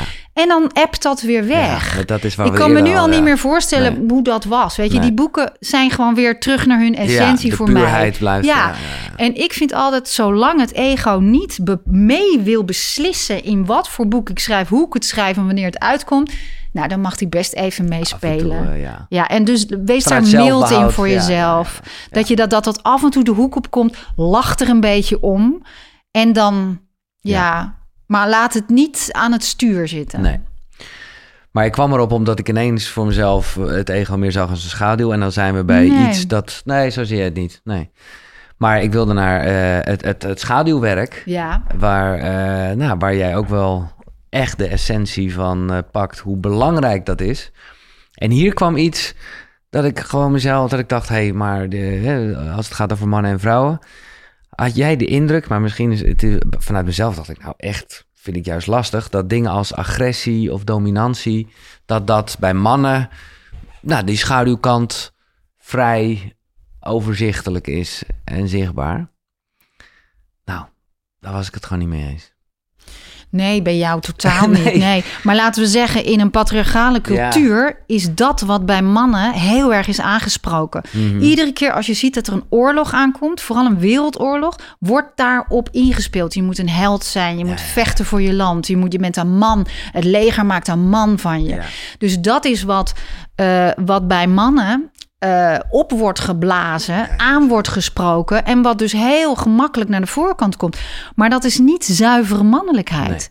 Eh, daar gaat hele wijze mannen over. Dat is dus het patriarchaat is voor mannen ook helemaal niet eh, Nee. nuttig. Nee. Het, het, ze verliezen andere delen van zichzelf. Hè? De dichter, Ja. de, de, de, de, de geliefde, de kunstenaar, het kind, weet je wel, de nar. Eh, dat zijn ook mannelijk, dat is ook mannelijkheid. En eh, ja, en, en jij bent niet eens in het leger, denk ik, geweest. In, Nee. in- dus deze generatie mannen in Maar Nederland. denk ik soms juist van, ik moet dat wel, Nou, dat zal toch wel, ja, weet ik ook niet. Maar, nee, eh, je hebt een tijdje gesport heel Ja, erg. dat is waar. En dat, eh, Ja. ja, misschien, het, het heeft allerlei vormen. Ehm, en eh, wat ik altijd mooi vind is als, want dat is de wet van geslacht, een andere wet, Ja, dat in alles. Geslacht zit in alles. Alles heeft zijn mannelijke en vrouwelijke principes. Dus ook in onszelf hebben we een mannelijke en een vrouwelijke kant, een pool. Ja. En ieder mens begeeft zich ergens, hè, qua gen- gender, Mhm. eh, ergens op die lijn. Ja. En eh, dus de een wat meer mannelijke, vrouwelijke kwaliteiten. Dus, eh, dus ik heb het niet over mannetjes en vrouwtjes Nee, als ik het heb over vrouwelijkheid Nee, of vrouwelijke waarden. Dat zit in ieder mens. En als je jezelf de kwaliteiten, eh, als je jezelf gunt om de kwaliteiten van de andere seksen te verkennen en in gebruik te nemen. En dat kan soms ook in een relatie dat je dat ziet bij je partner als je heteroseksueel Mhm. bent of bij je een van je ouders Ja. Dan kan dat jou een soort van toestemming geven om dat in jezelf op te diepen. En in een, in een maatschappij waar er heel erg in mannetjes en vrouwtjes wordt gedacht, ben jij daar heel beperkt in. Ja, En, eh, en, en laat je die schatkist, dus dat is ook schaduwwerk, laat je die schatkist eigenlijk dicht van, van onvermoede kwaliteiten die jij, waarvan jij van jou is geleerd dat die bij de andere seks horen en niet bij jou, hè? lief, aardig, beminnelijk meisje. Eh, dan, dan verlies je Ja. echt heel veel van jezelf. Nee, dus dit zegt, moet ik echt fantastische denken... tijd leven wat dat betreft. Maar ik moet denken aan wat voor mij eh, van die, van die reality-programma's. Eh, en daar is het dan heel erg, daar zijn de mannen echt zo Ach, overdreven ja. mannelijk en de Ja. vrouwen, dat je Ja. echt denkt, wow. Heel Maar om te zien, ja, heel ouderwets, ja, ja. ja, ja. Maar het schaduwwerk vind ik een mooi iets, omdat, nou ja, weet je, het gaat allemaal heel erg graag over het licht laten schijnen Mhm. op dingen. Eh, maar ja, nou ja, daarin zit... Schaduwwerk gaat eigenlijk vooraf aan het lichtwerk. Hè? Want het, heeft, het zijn twee hoofdstukken in de wijsheid van de heks. En ook in eh, Magisch Dagboek hè, waar kun Ja. je eh, zelf dat allemaal onderzoeken. Dat is het laatste boek wat uit is. Invulboek, Guided Journal. Ehm, waarbij vragen worden gesteld om dat nou eens te onderzoeken. Ja, precies, daar wilde ik naartoe. Want, als je je schaduwkant wil opzoeken, dan is, eh, zeg jij, schrijf het op en het zal eruit komen. Een van de, Ja, nou, een van de van de tools. manieren. Ja. Dus ik heb in Magisch Dagboek al die vragen achter elkaar gezet. Of je tekent wat, of je, of je schrijft op wat je hebt gedroomd of gezien in een visualisatie, meditatie. Eh, ja, het moet omhoog komen. Hè? Het wordt vaak getriggerd door het dagelijks leven. Er wordt heel veel schaduw wordt getriggerd. Ja. Dat vind je lelijk. En dat wil je met allerlei positief denken en, eh, en, en andere labmiddelen. Wil je dat lekker weer terug die schaduw in Ja. duwen. En toch is dat juist wel waar de schatten liggen, waar de groei ligt. Juist in je schaduwkant. En de schaduwkant dus eigenlijk zijn al die dingen die nog niet in het licht zijn gekomen om ja, gezien te worden, ontwikkeld. Het is een soort facet van een diamant die nog niet in het licht is gekomen, maar die wel deel is van jou en waar je en die als je het niet onderzoekt, eigenlijk zijn ondermijnende werk blijft doen bij al het lichtwerk wat je denkt te kunnen. Want op het moment dat je eerst lichtwerk gaat doen hè, en eh, eh, manifesteren en, Ja, ja. en eh, licht sturen en liefde en alles is liefde, dan ondermijn je die eigenlijk met ononderzochte pijn en trauma's en overtuigingen uit je schaduwkant. Dus heeft het geen enkele kracht. Het is krachteloos. Maar, en bedoel, je hoeft geen keuze te maken in het leven, want je kan het alle twee doen. Maar als ik jou zo hoor, dan zeg jij eigenlijk, ga niet eerst de dingen opschrijven waar je dankbaar voor bent. Maar schrijf vooral de dingen op waar je, ja, Nou, ik vind nee, dat zeg ik eigenlijk niet hoor. Nee, Nee. ik vind de focus op, eh, op, op, op dankbaarheid voor wat er is, wat je hebt en daar je blik op, la- op laten rusten, vind ik, vind ik een hele krachtig, mooie. eh, eh, nee, en zo zit ik zelf ook in elkaar. Zet er iets naast. Hè, we- Ja, dat zei mijn moeder ook altijd. Hè? Ja, ook als je verdriet hebt, je hoeft het niet weg te, weg te rationaliseren of Nee. weg te positief denken, maar zet er iets naast. Wat Dus hoe zien jouw boekjes eruit? Staan die vol met, eh, zeg maar, dankbaarheid en Eh, schaduw? ik heb een, eh, boekje naast mijn bed waar ik eigenlijk heel weinig in schrijf, maar heel veel in soort schematisch in teken. Met Hmm. woorden, steekwoorden, tekeningetjes. Waarbij ik ineens zie hoe het systeem zit, hoe ik denk. Hoe ik, wat, Want dat wat, laat je gewoon zit gebeuren, je hebt ja, daar- ja, ja, vaak ja. is dat vaak een proces wat even duurt. Hè. Eerst, eerst is er iets in je dagelijks leven wat jou zo buitenproportioneel raakt. Dat je Ja. denkt, jezus, wat zit hierachter? Dan ga je door die emoties, dan ga je het even zien. En dan, en dan, ik ben iemand die gaat er dan heel erg over nadenken. Misschien droom ik erover, mediteer ik erover. En dan kom ik ineens tot een inzicht. En dat moet dan in dat boekje. En dat lees Ja. je op eh, gezet tijden Ja, ik terug? lees het niet zo vaak terug. Nee, nee. Maar ja, en dan klopt het. Dan snap ik het. Mm. En dan eh, kan ik het ook achter me laten, zodat het in het heden niet zoveel macht over me heeft. Wil je een voorbeeld? Of, Ja. eh, want het laatste wat ik, waar ik nu heel erg mee bezig ben, is eigenlijk. eigenlijk als ik terugkijk in al mijn relaties met mannen. Dan eh, zie ik dat ik eigenlijk altijd moeite heb gehad om te vertrouwen dat ze er voor me zijn als ik ze nodig heb. Dus dat ze te hulp schieten als ik dat vraag. Dus het gaat niet over ontrouw Nee, of nee, eh, dat. En ehm, nou, dat komt natuurlijk uit mijn verleden. En eh, ik. Want, dat, want mijn vader, eh, hè, dus, we hebben allemaal een vaderwond en een moeder. Nou, dus dat is bijna al die dingen komen toch uit je, uit je jeugd of een vorig leven. Maar dat is dan lastiger te, te zien. En dan ehm, nou, zie ik dat ik dat eerst heel erg uit de weg ben gegaan. Dus als je niets verwacht, nou word je ook nooit teleurgesteld, toch? Dat werkt eigenlijk prima. Heel lang werkt Leuk dat prima. overlevingsmechanisme. maar En ik doe alles zelf. Maar goed, het heeft me ook iets gebracht. Ja, want ik tuurlijk. ben super autonoom. Ik, ik, ik doe alles zelf, verdien mijn geld, heb mijn eigen huis. Weet je, dat leunen, dat ken ik helemaal niet. Maar het is ook wel een beetje armoedig. En een beetje... Het, de, de, de- het geven ontvangen eh lemniskaartje is vrij klein. eh, was altijd vrij klein in mijn relaties. Toen had ik een relatie dat ik dacht... ja, ik wil dat veranderen. Dus ik ga wel iets vragen of die ander iets voor mij wil doen. En ik ontdekte dat dat voor mij een soort is alsof ik aan de, aan de, bij een afgrond sta. Ten Ja. eerste voelt het vernederend voor me. Dus Oh. het voelt alsof ik dit doe. Ja, ja, Hè, met, met gebogen handjes, knielend, slaat nergens op. Het heeft de ander helemaal geen last van, maar zo voelt het voor bij een, bij een man, bij een heteroseksuele man. Niet bij mijn vriendinnen, Ah. bij mijn homovriend. Nou, en dan denk ik, ik val bijna, ja, uiteraard val ik straks in die, dat ravijn, want hij gaat nee zeggen. Dat is eigenlijk wat ik al. Dus bij, als het te lang duurt, dat antwoord, of niet op, op de manier waarop ik het graag zie, of wanneer ik het graag zie, dus ik, Ja. nee, maar laat maar, doe het wel zelf. en daar zit dan eigenlijk weinig boosheid bij of wat dan ook, maar meer een soort bevestiging. Oh ja, tuurlijk, Ja, niet ja. doen.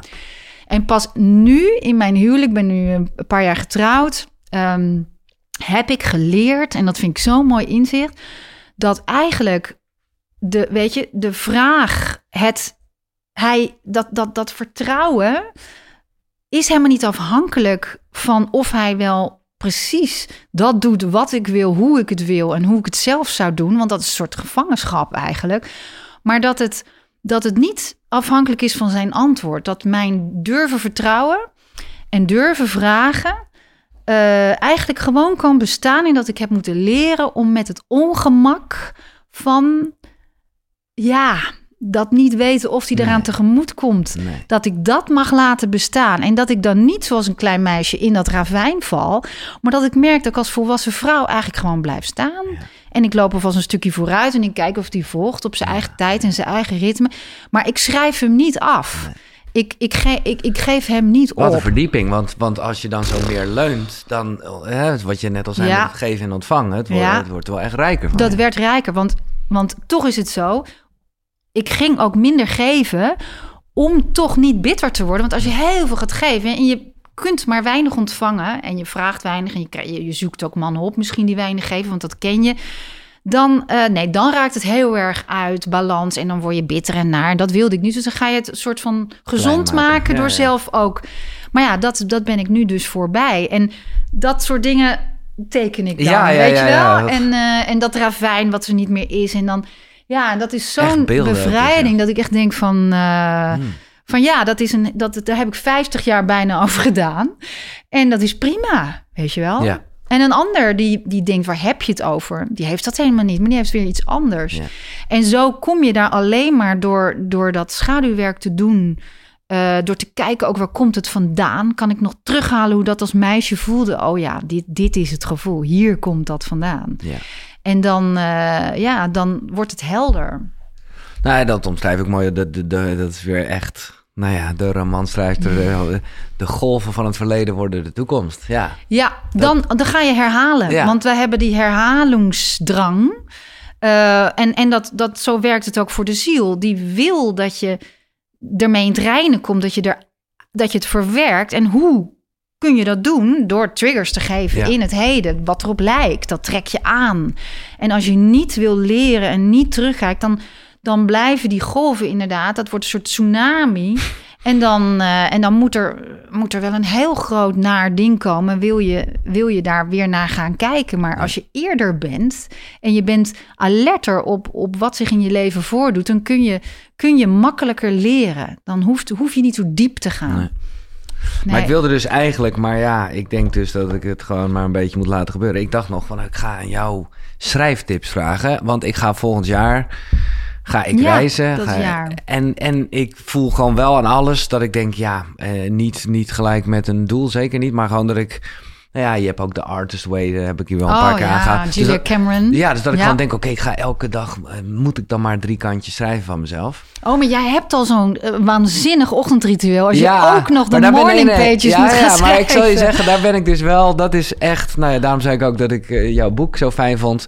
Ik heb dat. Ik ben er wel een stuk relaxed in geworden. Oh, ja, fijn. omdat ik gewoon wel de essentie er heb uitgehaald. Ja. En daar zit nog zeker wel een beetje houvast in, omdat ik daarmee ging spelen. En toen was er ineens weer niks. En dacht ik ineens. hey, ik heb nu gewoon even een week lang niet gemediteerd. Omdat ik het wel toeliet aan wanneer het goed voelt. Nou, de- Mhm. Nee, daar zit dus- iets tussen. Er Ja. zit iets tussen, exact.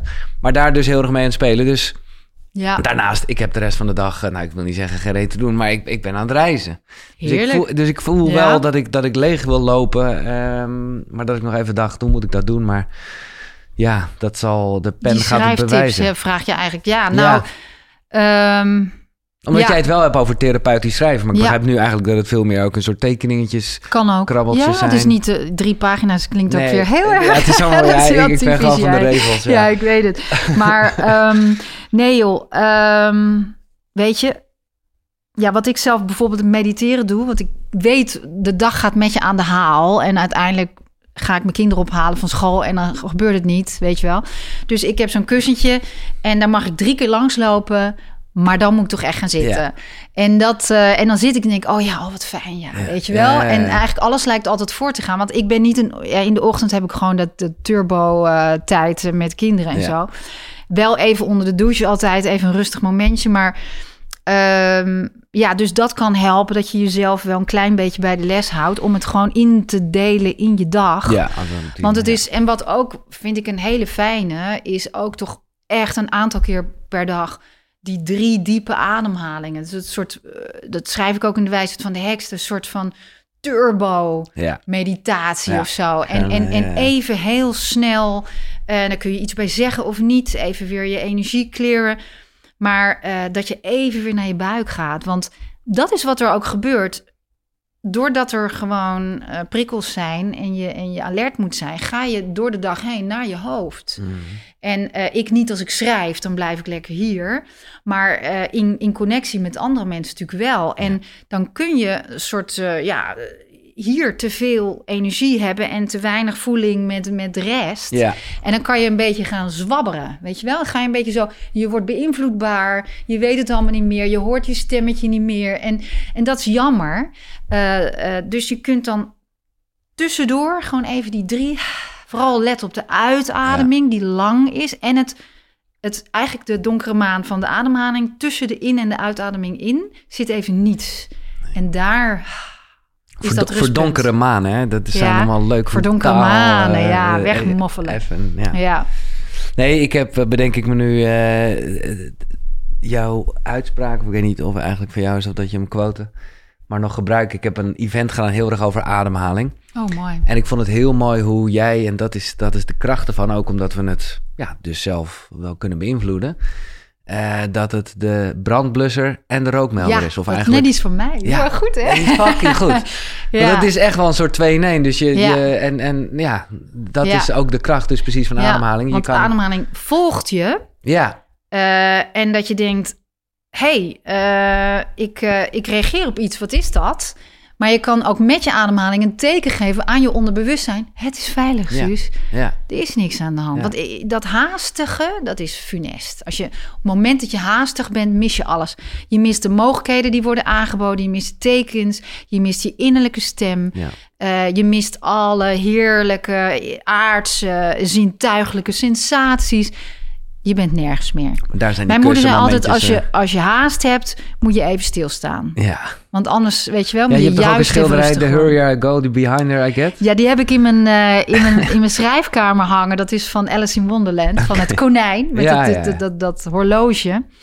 En dat is inderdaad, ja, ik, ik, ik vertel mezelf altijd als ik afdaal eh, dat souterrain in, wat ook een soort konijnenhol is eigenlijk.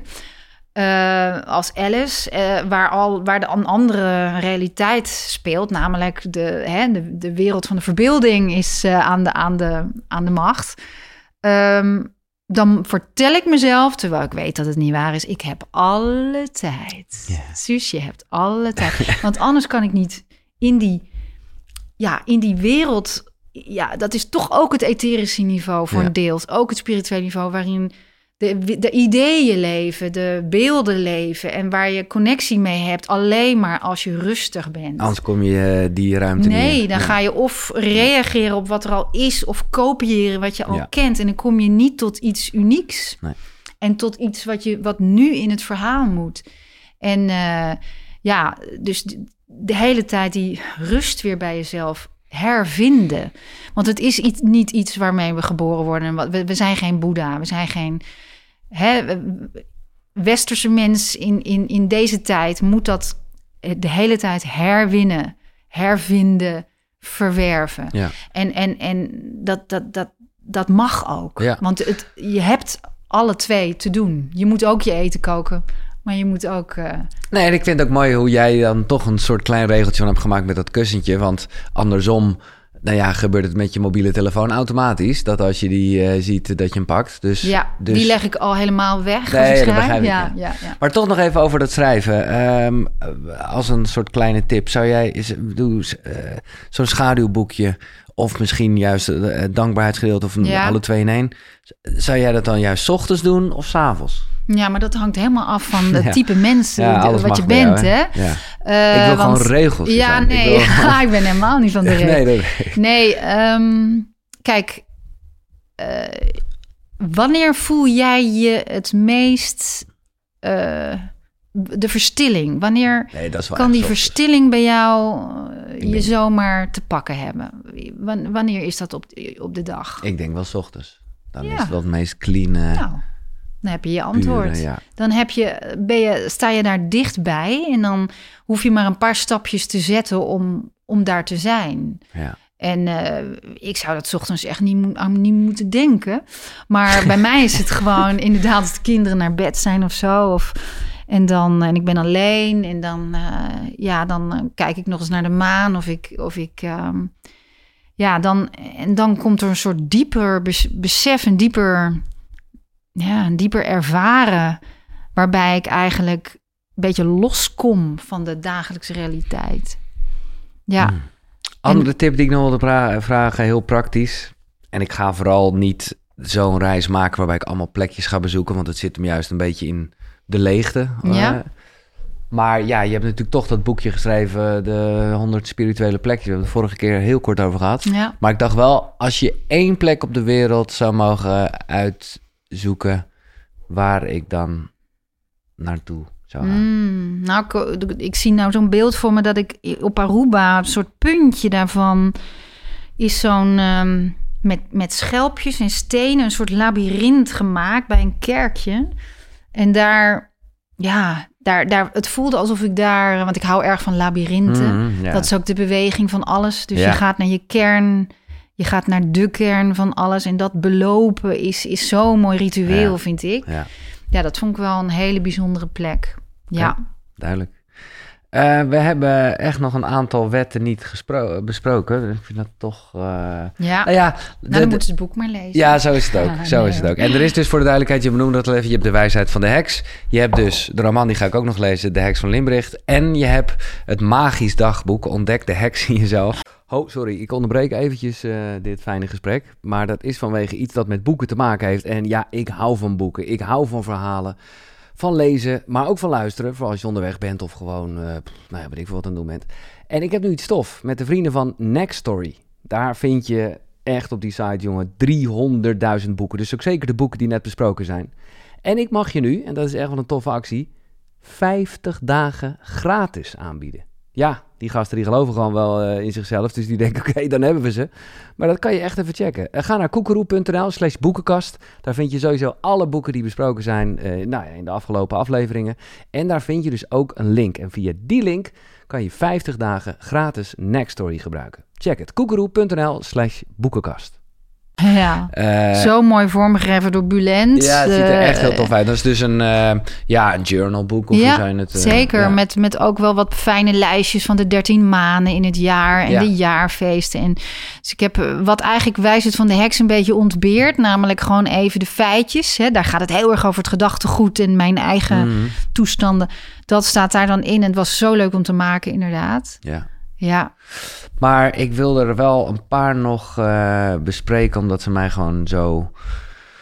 Uh, nou ja, het, het, er gebeurde iets. De wet van vibratie. Ja. En dan hebben we het, als ik me niet vergis, ook gewoon heel erg over een woord wat ik ook niet zo positief in mijn gedachten had, uh, uh, solitude. De, de, de, solitude. Solitude, ja. De, de, wat is het? Soeverein, is dat het woord? Of, nee, nou, het is eigenlijk zelfgekozen afzondering. Ja, uh, verrukkelijk terugtrekken. Verrukkelijke ja. eenzaamheid. Ja. ja. nee, oh nee, maar het archetype van de heks is alleen, hè? Ik weet nog, toen ik ging trouwen, zei mijn beste vriend, daarna ook um, getuige, maar Suus, je bent een heks, hè? Weet je wel? Voor, voor zijn gevoel was, het, um, was dat tegenstrijdig. En inderdaad, er zit ook iets in mij van... van daarom woon ik ook niet samen trouwens nee, met mijn man. Ik, ja. Dus dat is, dat, is, dat is heerlijk. Dat is aan te raden. Maar, Waardoor uh, jullie echt voor elkaar kiezen. En... Ja, en uh, je eigen ruimte kunt bewaren. Maar goed, dat is niet voor iedereen weggelegd nee. natuurlijk. Ik ben heel dankbaar dat dat kan. En jullie hebben alle twee ook kinderen, dus dat ja, maakt het exact. ook praktisch. Ik wilde daar niet uh, hen daarmee belasten. Maar um, nee, kijk, die, die, die eenzaamheid is iets wat, wat ook weer, als je het net had het over instinct, is grappig, want nu is er weer iets instinctiefs, iets biologisch, wat maakt dat wij toch altijd bang zijn voor die eenzaamheid, want we zijn groepsdieren. En het uitgesloten worden is eigenlijk het allerengst wat er bestaat, exact. want dan overleef je niet. Nee. Dat is wat we denken. Dus we, er is een bepaald vermijdingsgedrag en er zit ook een bepaald stempel op. Uh, en het is ook heel onprettig om niet vrijwillig eenzaam en alleen te zijn. Maar dat is niet het soort eenzaamheid nee. waar ik het over heb. En daar hebben we eigenlijk geen woord voor in het Nederlands, maar wel in het Engels, solitude. En dat geeft, dat solitude is gewoon een, oh, een, een, een, een omstandigheid waarbinnen je... Uh, ja, waarbinnen je helemaal terug kan trekken en... Um, maar wel de verbinding voelt met alles en iedereen. Ja, ja maar, je, maar zeker. Maar vanuit wat... Um, uh, wie noemt het ook alweer zo? Niet um, uh, een van een mystica, niet Hildegard von Bingen, maar Theresa van Avila. Die noemde het de innerlijke burcht. Mm. En het bewonen van je innerlijke burcht is iets, ja, is iets wat we een beetje zijn verleerd. Mm. Maar elke mystica, en ik, ik of mysticus, hè, die, die kent het gevoel van een eigen verbinding met het goddelijke, een eigen connectie daarmee voelen. Dus niet zoals later werd gezegd dat je daar een tussenpersoon voor nodig hebt, zoals in het christendom of een andere religie. Nee, zelf je eigen connectie voelen. En dat kan natuurlijk heel erg als je de kamers van jouw innerlijke burcht in gebruik neemt en ontdekt wat daar allemaal te vinden is en daar niet bang voor bent en het niet ziet als iets wat, wat ontbreekt. Uh, maar iets uh, wat, hè, dus mensengezelschap wat ontbreekt, maar juist een, een soort uh, rijkdom van wat er is gaan, gaan onderzoeken. En um, ja, ik, ik, ik vind het noodzakelijk om dat zeker als schrijver natuurlijk te doen, mm. want anders ga je niets oorspronkelijks nee. meer schrijven, wat ik net al zei. En het is, ja, het, het, het is een, um, ja, het is iets wat enorm kan verrijken. Ja, nou, de, de, de, precies. De, ja. En daar komen twee dingen wat ik echt heel krachtig vind. En dat, dat, dat lag op het puntje van mijn tong, maar toen uh, ze hadden het over die polariteit. Dat je, en dat, nou ja, dat, uh, dat durf ik wel te zeggen van mezelf, dat ik daar heel goed in ben. Uh, dat je ook gewoon durft te zeggen dat je ergens anders over denkt. Ja. dat, dat dat gewoon oké okay is als je, hè, als je iets verkeerd beoordeeld hebt. Ik weet niet meer hoe jij het Ja, dat zegt. je daar eh, dat je een beweging hebt gemaakt. Ja. Dat je er terugkomt op Ja. iets. Ja. Ja. Nee, maar dat is, dat is een. een dat is de, de, de, de, de, rijkdom die we hebben. Dat we, dat we van gedachten mogen veranderen. Dat we ontwikkelen. Ja, maar het zouden dat wel we- meer mensen mogen... ja, eh, en dat dat niet een zwaktebod nee, is, maar juist een, eh, een, een- echt een, een, kracht. Eh, want dan ontwikkel je je. Ja. En eh, het, dat is geen gezichtsverlies. Nee, zeker. Dat is, dat is iets heel belangrijks. En twijfel is het begin van alle kennis. Dus blijf ook vooral twijfelen aan wat je denkt te weten. En eh, laat ervaring altijd ja, ook, ook belangrijk zijn. Inderdaad, ook als je iets niet kan verklaren. ehm, dat, dat je dat toch mee laat wegen in wat jij weet. En ehm, ja, dat, dat, dat, die beweging daarin, dat is natuurlijk je persoonlijke groei, die, die ontwikkeling. Ja, en ehm, ja, het is, er is moed voor nodig ook om ook, want ik dacht, dat dacht ik dat je eerst bedoelde, om het oneens te zijn met wat jou wordt verteld, hè? Ja, wat ja, in onze wereld wordt verteld, wat eh, ja, ik, mijn romans gaan, historische romans gaan altijd over mensen, meestal vrouwen, die aanbotsen tegen de morris van hun tijd, tegen de codes van hun tijd. Hè? Dus dit is wat jij behoort te zijn als vrouw of als onderdeel van deze klasse.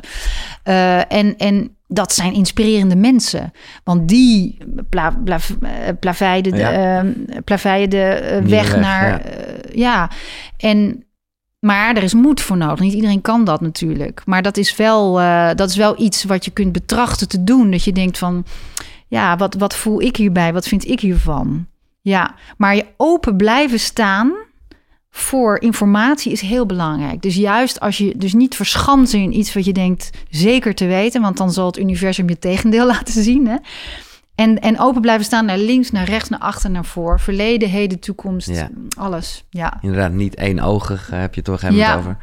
Eh, ja, laatste ding vind ik gewoon een beeld. En ik zei je dit voordat we vlak beginnen opnemen... dat ik eigenlijk mijn eigen dingetje op mijn kaartje niet meer herkende. Spin. Spin. Maar dat is wel... Ja, maar ik vind het een hele soort leuk beeld... wat jij zelf hebt geschept, eh, geschapen. Ehm, over dat jij de spin bent, maar ook het web. Oh ja, jezus. Of het boek heb ik ook alweer lang Ja, sorry, maar ik... Ja, je bent de spin en ook het web. Wat bedoelde ik daarmee? Oh, ja. Nou, jij kan je aantekeningen niet meer lezen. Ik weet niet meer wat ik nee, geschreven maar ik vond het wel... Weet je nog waar het staat? Ja, nou, ja, volgens- dat wordt moeilijk. Ja, dat- Ehm, ik denk dat ik zoiets bedoelde als... ehm, als dat wij, wij weven het web, hè? ja. Eh, wij, de spinsters, de, er wordt ook wel gezegd dat, dat de vrouwen aan het weefgetouw, die weven als het ware de toekomst. We dromen de toekomst in. Dus het, is, het gaat vooraf aan de tastbare werkelijkheid. En dat heb ik altijd bij web. Oh, je hebt het nog gevonden ook. Ja. Nou, ja. lees maar voor. Als heks probeer ik te leven vanuit mijn midden. Oh ja. Als een spin die vanuit het midden een web van relaties en verbindingen spint. Een spin plakt niet aan haar eigen web, zoals wel de insecten die erin verstrikt raken, maar loopt er soepel overheen. En net als in de tijd van de grote godin begrijp ik dat zowel de spin, eh, begrijp ik dat ik zowel de spin als het web ben. Ik spin de eh, zichtbare en onzichtbare dimensies van het leven en verbind ze met elkaar tot een web dat mij weerspiegelt en dient. En ja, eigenlijk gaat dit dus heel erg over waar we het over hadden. Ja, Neem tijd om alleen te zijn, te Ja. reflecteren, te landen in je lichaam, je eigen koers te bepalen. Ja Anders dat plak je midden, vast. Het heilige midden. Ja, Het heilige midden, ja, dat was ik alweer vergeten. Zeg. Ja, dat is iets waar in in het oog van de orkaan... Eigenlijk komen we dan helemaal terug naar het begin. ja, In deze chaotische, verwarrende tijden... waarin alles verschuift en er zoveel aan het licht komt... eh, zoek het oog van de storm. eh, waar het altijd kalm is en stil. En dat zit natuurlijk in jezelf. En, en eh, en, en, en waai niet met al die winden mee. Want wij zijn als mens ook niet gebouwd om dat allemaal te kunnen verstouwen. Hè? En dan. ehm, eh, en, en het midden is echt iets. eh, is een hele, een hele fijne en goede positie. Ehm, maar moet je misschien soms dan wel even door die storm heen om in dat midden... Of, ja, je, moet, je hoeft niet blind te zijn voor de storm. Nee, precies. Maar je kunt het vanuit het midden ook heel goed in de Ja. gaten houden. Dus eh, je hoeft je niet ervan af te wenden. Maar eh, ja, als, als, het jou, ja, als het jou lukt om, om, om uh, vanuit een soort kalm, rustig, neutraal midden het leven tot je te laten Ja. komen, dan, dan sta je natuurlijk heel sterk. Ja, en in het midden heb je ook met boven en beneden. Want het is niet alleen deze beweging Nee. die we maken van links naar rechts, maar vooral ook van boven naar beneden. En ik zie in de spirituele gemeenschap wel eens soms dat men te veel gericht is alleen naar boven. Ja. Maar een boom die met heel veel blad aan takken en weinig wortels, die is bij de heer, eerste herfststorm, ligt om. Ja, ja, ja. Aan de andere kant een boom met heel veel, eh, heel veel wortels en, en, en weinig Mhm. tak, die is ook weer topzwaar. En die sappen kunnen nergens naartoe. Nee. Dus een boom laat ons eigenlijk zien wat het ideale evenwicht is. Is de wortels zijn even dik en lang als de takken hoog kunnen reiken. Dus op het moment dat jij ook denkt, oh, ik, het, de, de- het licht hè, komt zo erg naar me toe. Ik, ik, eh, ik heb eh, ascensieverschijnselen en dat soort dingen. Hè. Eh, dan is het vaak zo dat je toch te weinig aandacht aan je gronding hebt besteed, aan je aarding. Want en het licht zal minder worden. Want je, kunt, je krijgt maar zoveel tot je als je aan kan. Ja. Hè, de- je kunt een glas vullen totdat die vol is. Terwijl als je De onderkant. als het onder, ja, dan is het eindeloos en laat het licht Ja. door je heen gaan. En kan je zeggen over jezelf dat met name dat, en dat, of dat nou leeftijd, kennis, hand in hand ervaring, ehm, dat dat, dat, dat misschien wel veel sterker is geworden? Dat nou, is ik denk dat een soort de wijsheid, hekserij- hè, de, de- dat, dat de Ja. wijsheid hem juist inderdaad zit in die dingen onder de grond en dat geaarde ook. Nou, ik denk dat. Kijk, ik ben van. Mijn, van nature ben ik iemand die als ik ga mediteren, ben ik weg. dat precies, gaat heel een- makkelijk. Zweven Eh, ja, je. ik zweverig. Daarom is mijn oog ook zo achter. In principe kan ik heel mijn dromerig type al vanaf nou ja, naar maan dingen zien. Dat is mijn aard. Alleen dat is heel kwetsbaar. Dus ik heb die oude religie nodig om dat evenwicht te vinden. Om die aarding te vinden. Om in contact te staan met het hier, nu, aardse werkelijkheid. Dus het helpt mij om in balans te blijven en om ook het licht aan te kunnen en, eh, en niet weg te zweven. Nee. Dus het geeft mij eigenlijk een soort. Het compenseert eigenlijk iets wat ik niet van nature in me heb. Dus de meeste heksen vind ik heel prettig aards en fijn. Maar er zijn ook heel veel heksen, of mensen die zichzelf niet eens heks noemen, maar die zie ik als een heks. Dan denk ik, ah, jij bent er ook een. die, eh, die dat eigenlijk als tegenwicht nodig hebben. En dat is bij mij ook het geval. En maar is dat niet veranderd? Ik bedoelde eigenlijk meer dat... dat Door de jaren heen. ja, dat, ja, dat, dat- ben ik de- steeds meer eh, dat gaan ontwikkelen. Want ik, eh, dat is iets wat ik, eh, wat, ik, wat ik heb moeten ontwikkelen. Omdat het niet iets is waar ik mee geboren ben zozeer. Ik ben meer met die afstemming Ja. met boven geboren. En andere mensen zullen weer veel aardser zijn en denken, waar heb je het over? En die, die, die hebben weer meer last Ja. met, met mediteren. Dat Ja, en daarom raad ik het vooral heel erg aan, omdat niks moet. ehm, dat het vooral, nou ja, ga op onderzoek uit en kijk wat bij je past. Dat is ook wat je nu weer zegt. ja. Dat is top. Dat, Ja, eh, en zie je dat boompje ook met die wortels, die moest er van mij op op de omslag. Dus een heel klein plaatje onder Oh, de titel. ja. En dat is wat ik bedoel. Dat is precies waar ja, je nu dat zegt. vind ik zo'n mooi teken. Daar heb ik ook een stempel van gekregen Oh, van mij. die stempel ik in alle boeken. Eh, dus de, de wortels zijn even lang en breed en groot als de takken hoog zijn. En dat is evenwicht. Ja, Ik zie toch wel weer het beeld van een, een heks op een tak. ja. Nee, dit is, eh. Ja, er zijn dus nog wat vragen binnengekomen. Ik had het gevraagd eh, op de Koekeroe Club Instagram. En daar ben ik in het gesprek niet aan toegekomen. We zaten heerlijk te praten en eh, nou goed. Mhm. Maar blij Suzanne dat je deze antwoorden nog even, of dat vragen wil beantwoorden.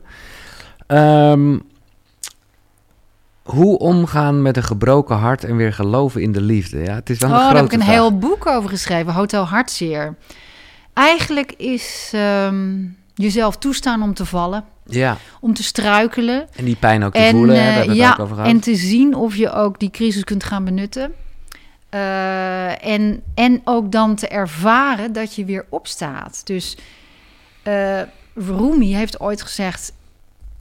If you want healing, let yourself fall ill. Let yourself fall ill. En dat is ook het motto van het boek geworden. Dus eh, geen quick fix, maar juist En, en dat wordt allemaal, heb ik boek heb samen met Marion Pauw geschreven. Ja. Dat wordt allemaal beschreven en eh, als een soort twee vriendinnen die je hand vasthouden. Ja, En eh, hun eigen, want ik heb dat ook heel vaak gehad, joh. En dat kan zo diep gaan. Ja. Liefdesverdriet kan zo wezenlijk zijn. Je helemaal uit je, ja, ja. uit je kern halen. En, en toch is daarin heel veel te vinden. Ja, het brengt je ook heel dicht bij jezelf. Het is heel intiem verdriet, vind ik. Nou, Net Lisbeth, als rouw. eh, Ja. Veel plezier met de komende tijd. Nou, dat zou ik ook weer niet nee, willen zeggen. Nee, maar dat is Ja, een beetje te vroeg. Oké, sorry. Ehm, dan heb je Sandra. Welke gebeurtenis was haar grootste levensles en wat heeft het haar gebracht? Is bij jou echt een, ontzettende gebeurtenis? Nou, levensles. eh, eh, ehm, inderdaad, we hebben het over gebroken hart. De, toen de vader van mijn kinderen wegging, was dat wel een hele grote gebeurtenis. Voor mij heeft het eigenlijk wel een crisisjaar Mhm. tot gevolg gehad. Maar ja, daar heb ik dus wel alles uitgehaald. Ja, Ja. want jullie waren gewoon vooral, eh, en nog steeds, gewoon goede vrienden. Nee, ik Oh, heb ook dat- wel eens een oh, relatie gehad waarbij ik dat, dat Oh. weet je denk dat ik heel lang met iemand was met wie ik ook heel goed bevriend ja. was daarvoor. Oh, ik dacht dat dat ook... eh, Nee, nee, dit was gewoon een, eh, een, een, een, een relatie met iemand waarvan ik, van wie ik dacht dat ik natuurlijk gewoon toekomst had. Dus je Ja. moet vaak ook afscheid nemen van de toekomst die je dacht te hebben. Maar goed, er is vrije wil en iemand kan besluiten eenzijdig om daarmee te stoppen. En dat heeft natuurlijk ook impact op hoe vaak je je kinderen ziet. En dat bracht bij mij wel zo'n hele oude angst teweeg van het verliezen van mijn kinderen. Ja. Wat echt in vorige levens ook zat. En, eh, en daar heb ik toen wel hele rauwe, ja, op een rauwe manier heel erg doorheen moeten gaan door die angst. Die natuurlijk irreëel was, hè? want ik verlie- je Tuurlijk. verliest die kinderen niet. Je bent er niet alleen meer bij. Eh, 100%. Maar dat eh, triggerde het wel bij mij. Dus en wat dat, heeft het eh, je gegeven, los van dat je... Ehm, dus, eh, eigenlijk een, eh, een, een, een stevigere basis nog in mezelf, waar ik altijd op terug kan vallen. En ehm, juist meer durven vertrouwen op de liefde in plaats van minder. nice. Ja, dus dat je zou verwachten dat je Nee, gaat maar- beschermen, Dat, zo- ja. maar eigenlijk het erbij te nemen. Ja. Dat is vaak ook wat ik Ja. op alles, eh, bij alles kan leren. Ik probeer gewoon een mens te zijn die ehm, het bitter met het zoet neemt en het verlies met, met het, eh, de, de verrijking en het erbij te nemen. Hè, en als je iets de wereld inbrengt, eh, de lof met de blaam en de verdachtmakingen en al die Ja. dingen, allemaal neem ik het erbij. Ja. Niets hoeft er niet te zijn. En dat, dat geeft wel een soort, pff, Ja, dan kom je ook Stevigheid. niet van een koude kermis thuis. eh Nee. wat zou ik zeggen? Oké. ja. Even wat lof. Elise zegt dankbaar voor vrouwen zou zijn. Iemand anders zegt, zegt dat ik haar vreselijk bewonder. Wat een prachtige vrouw. Wat een krachtige vrouw. Leuk. Geen vraag, maar wel liefde voor deze vrouw, zegt This is Glow. Ehm,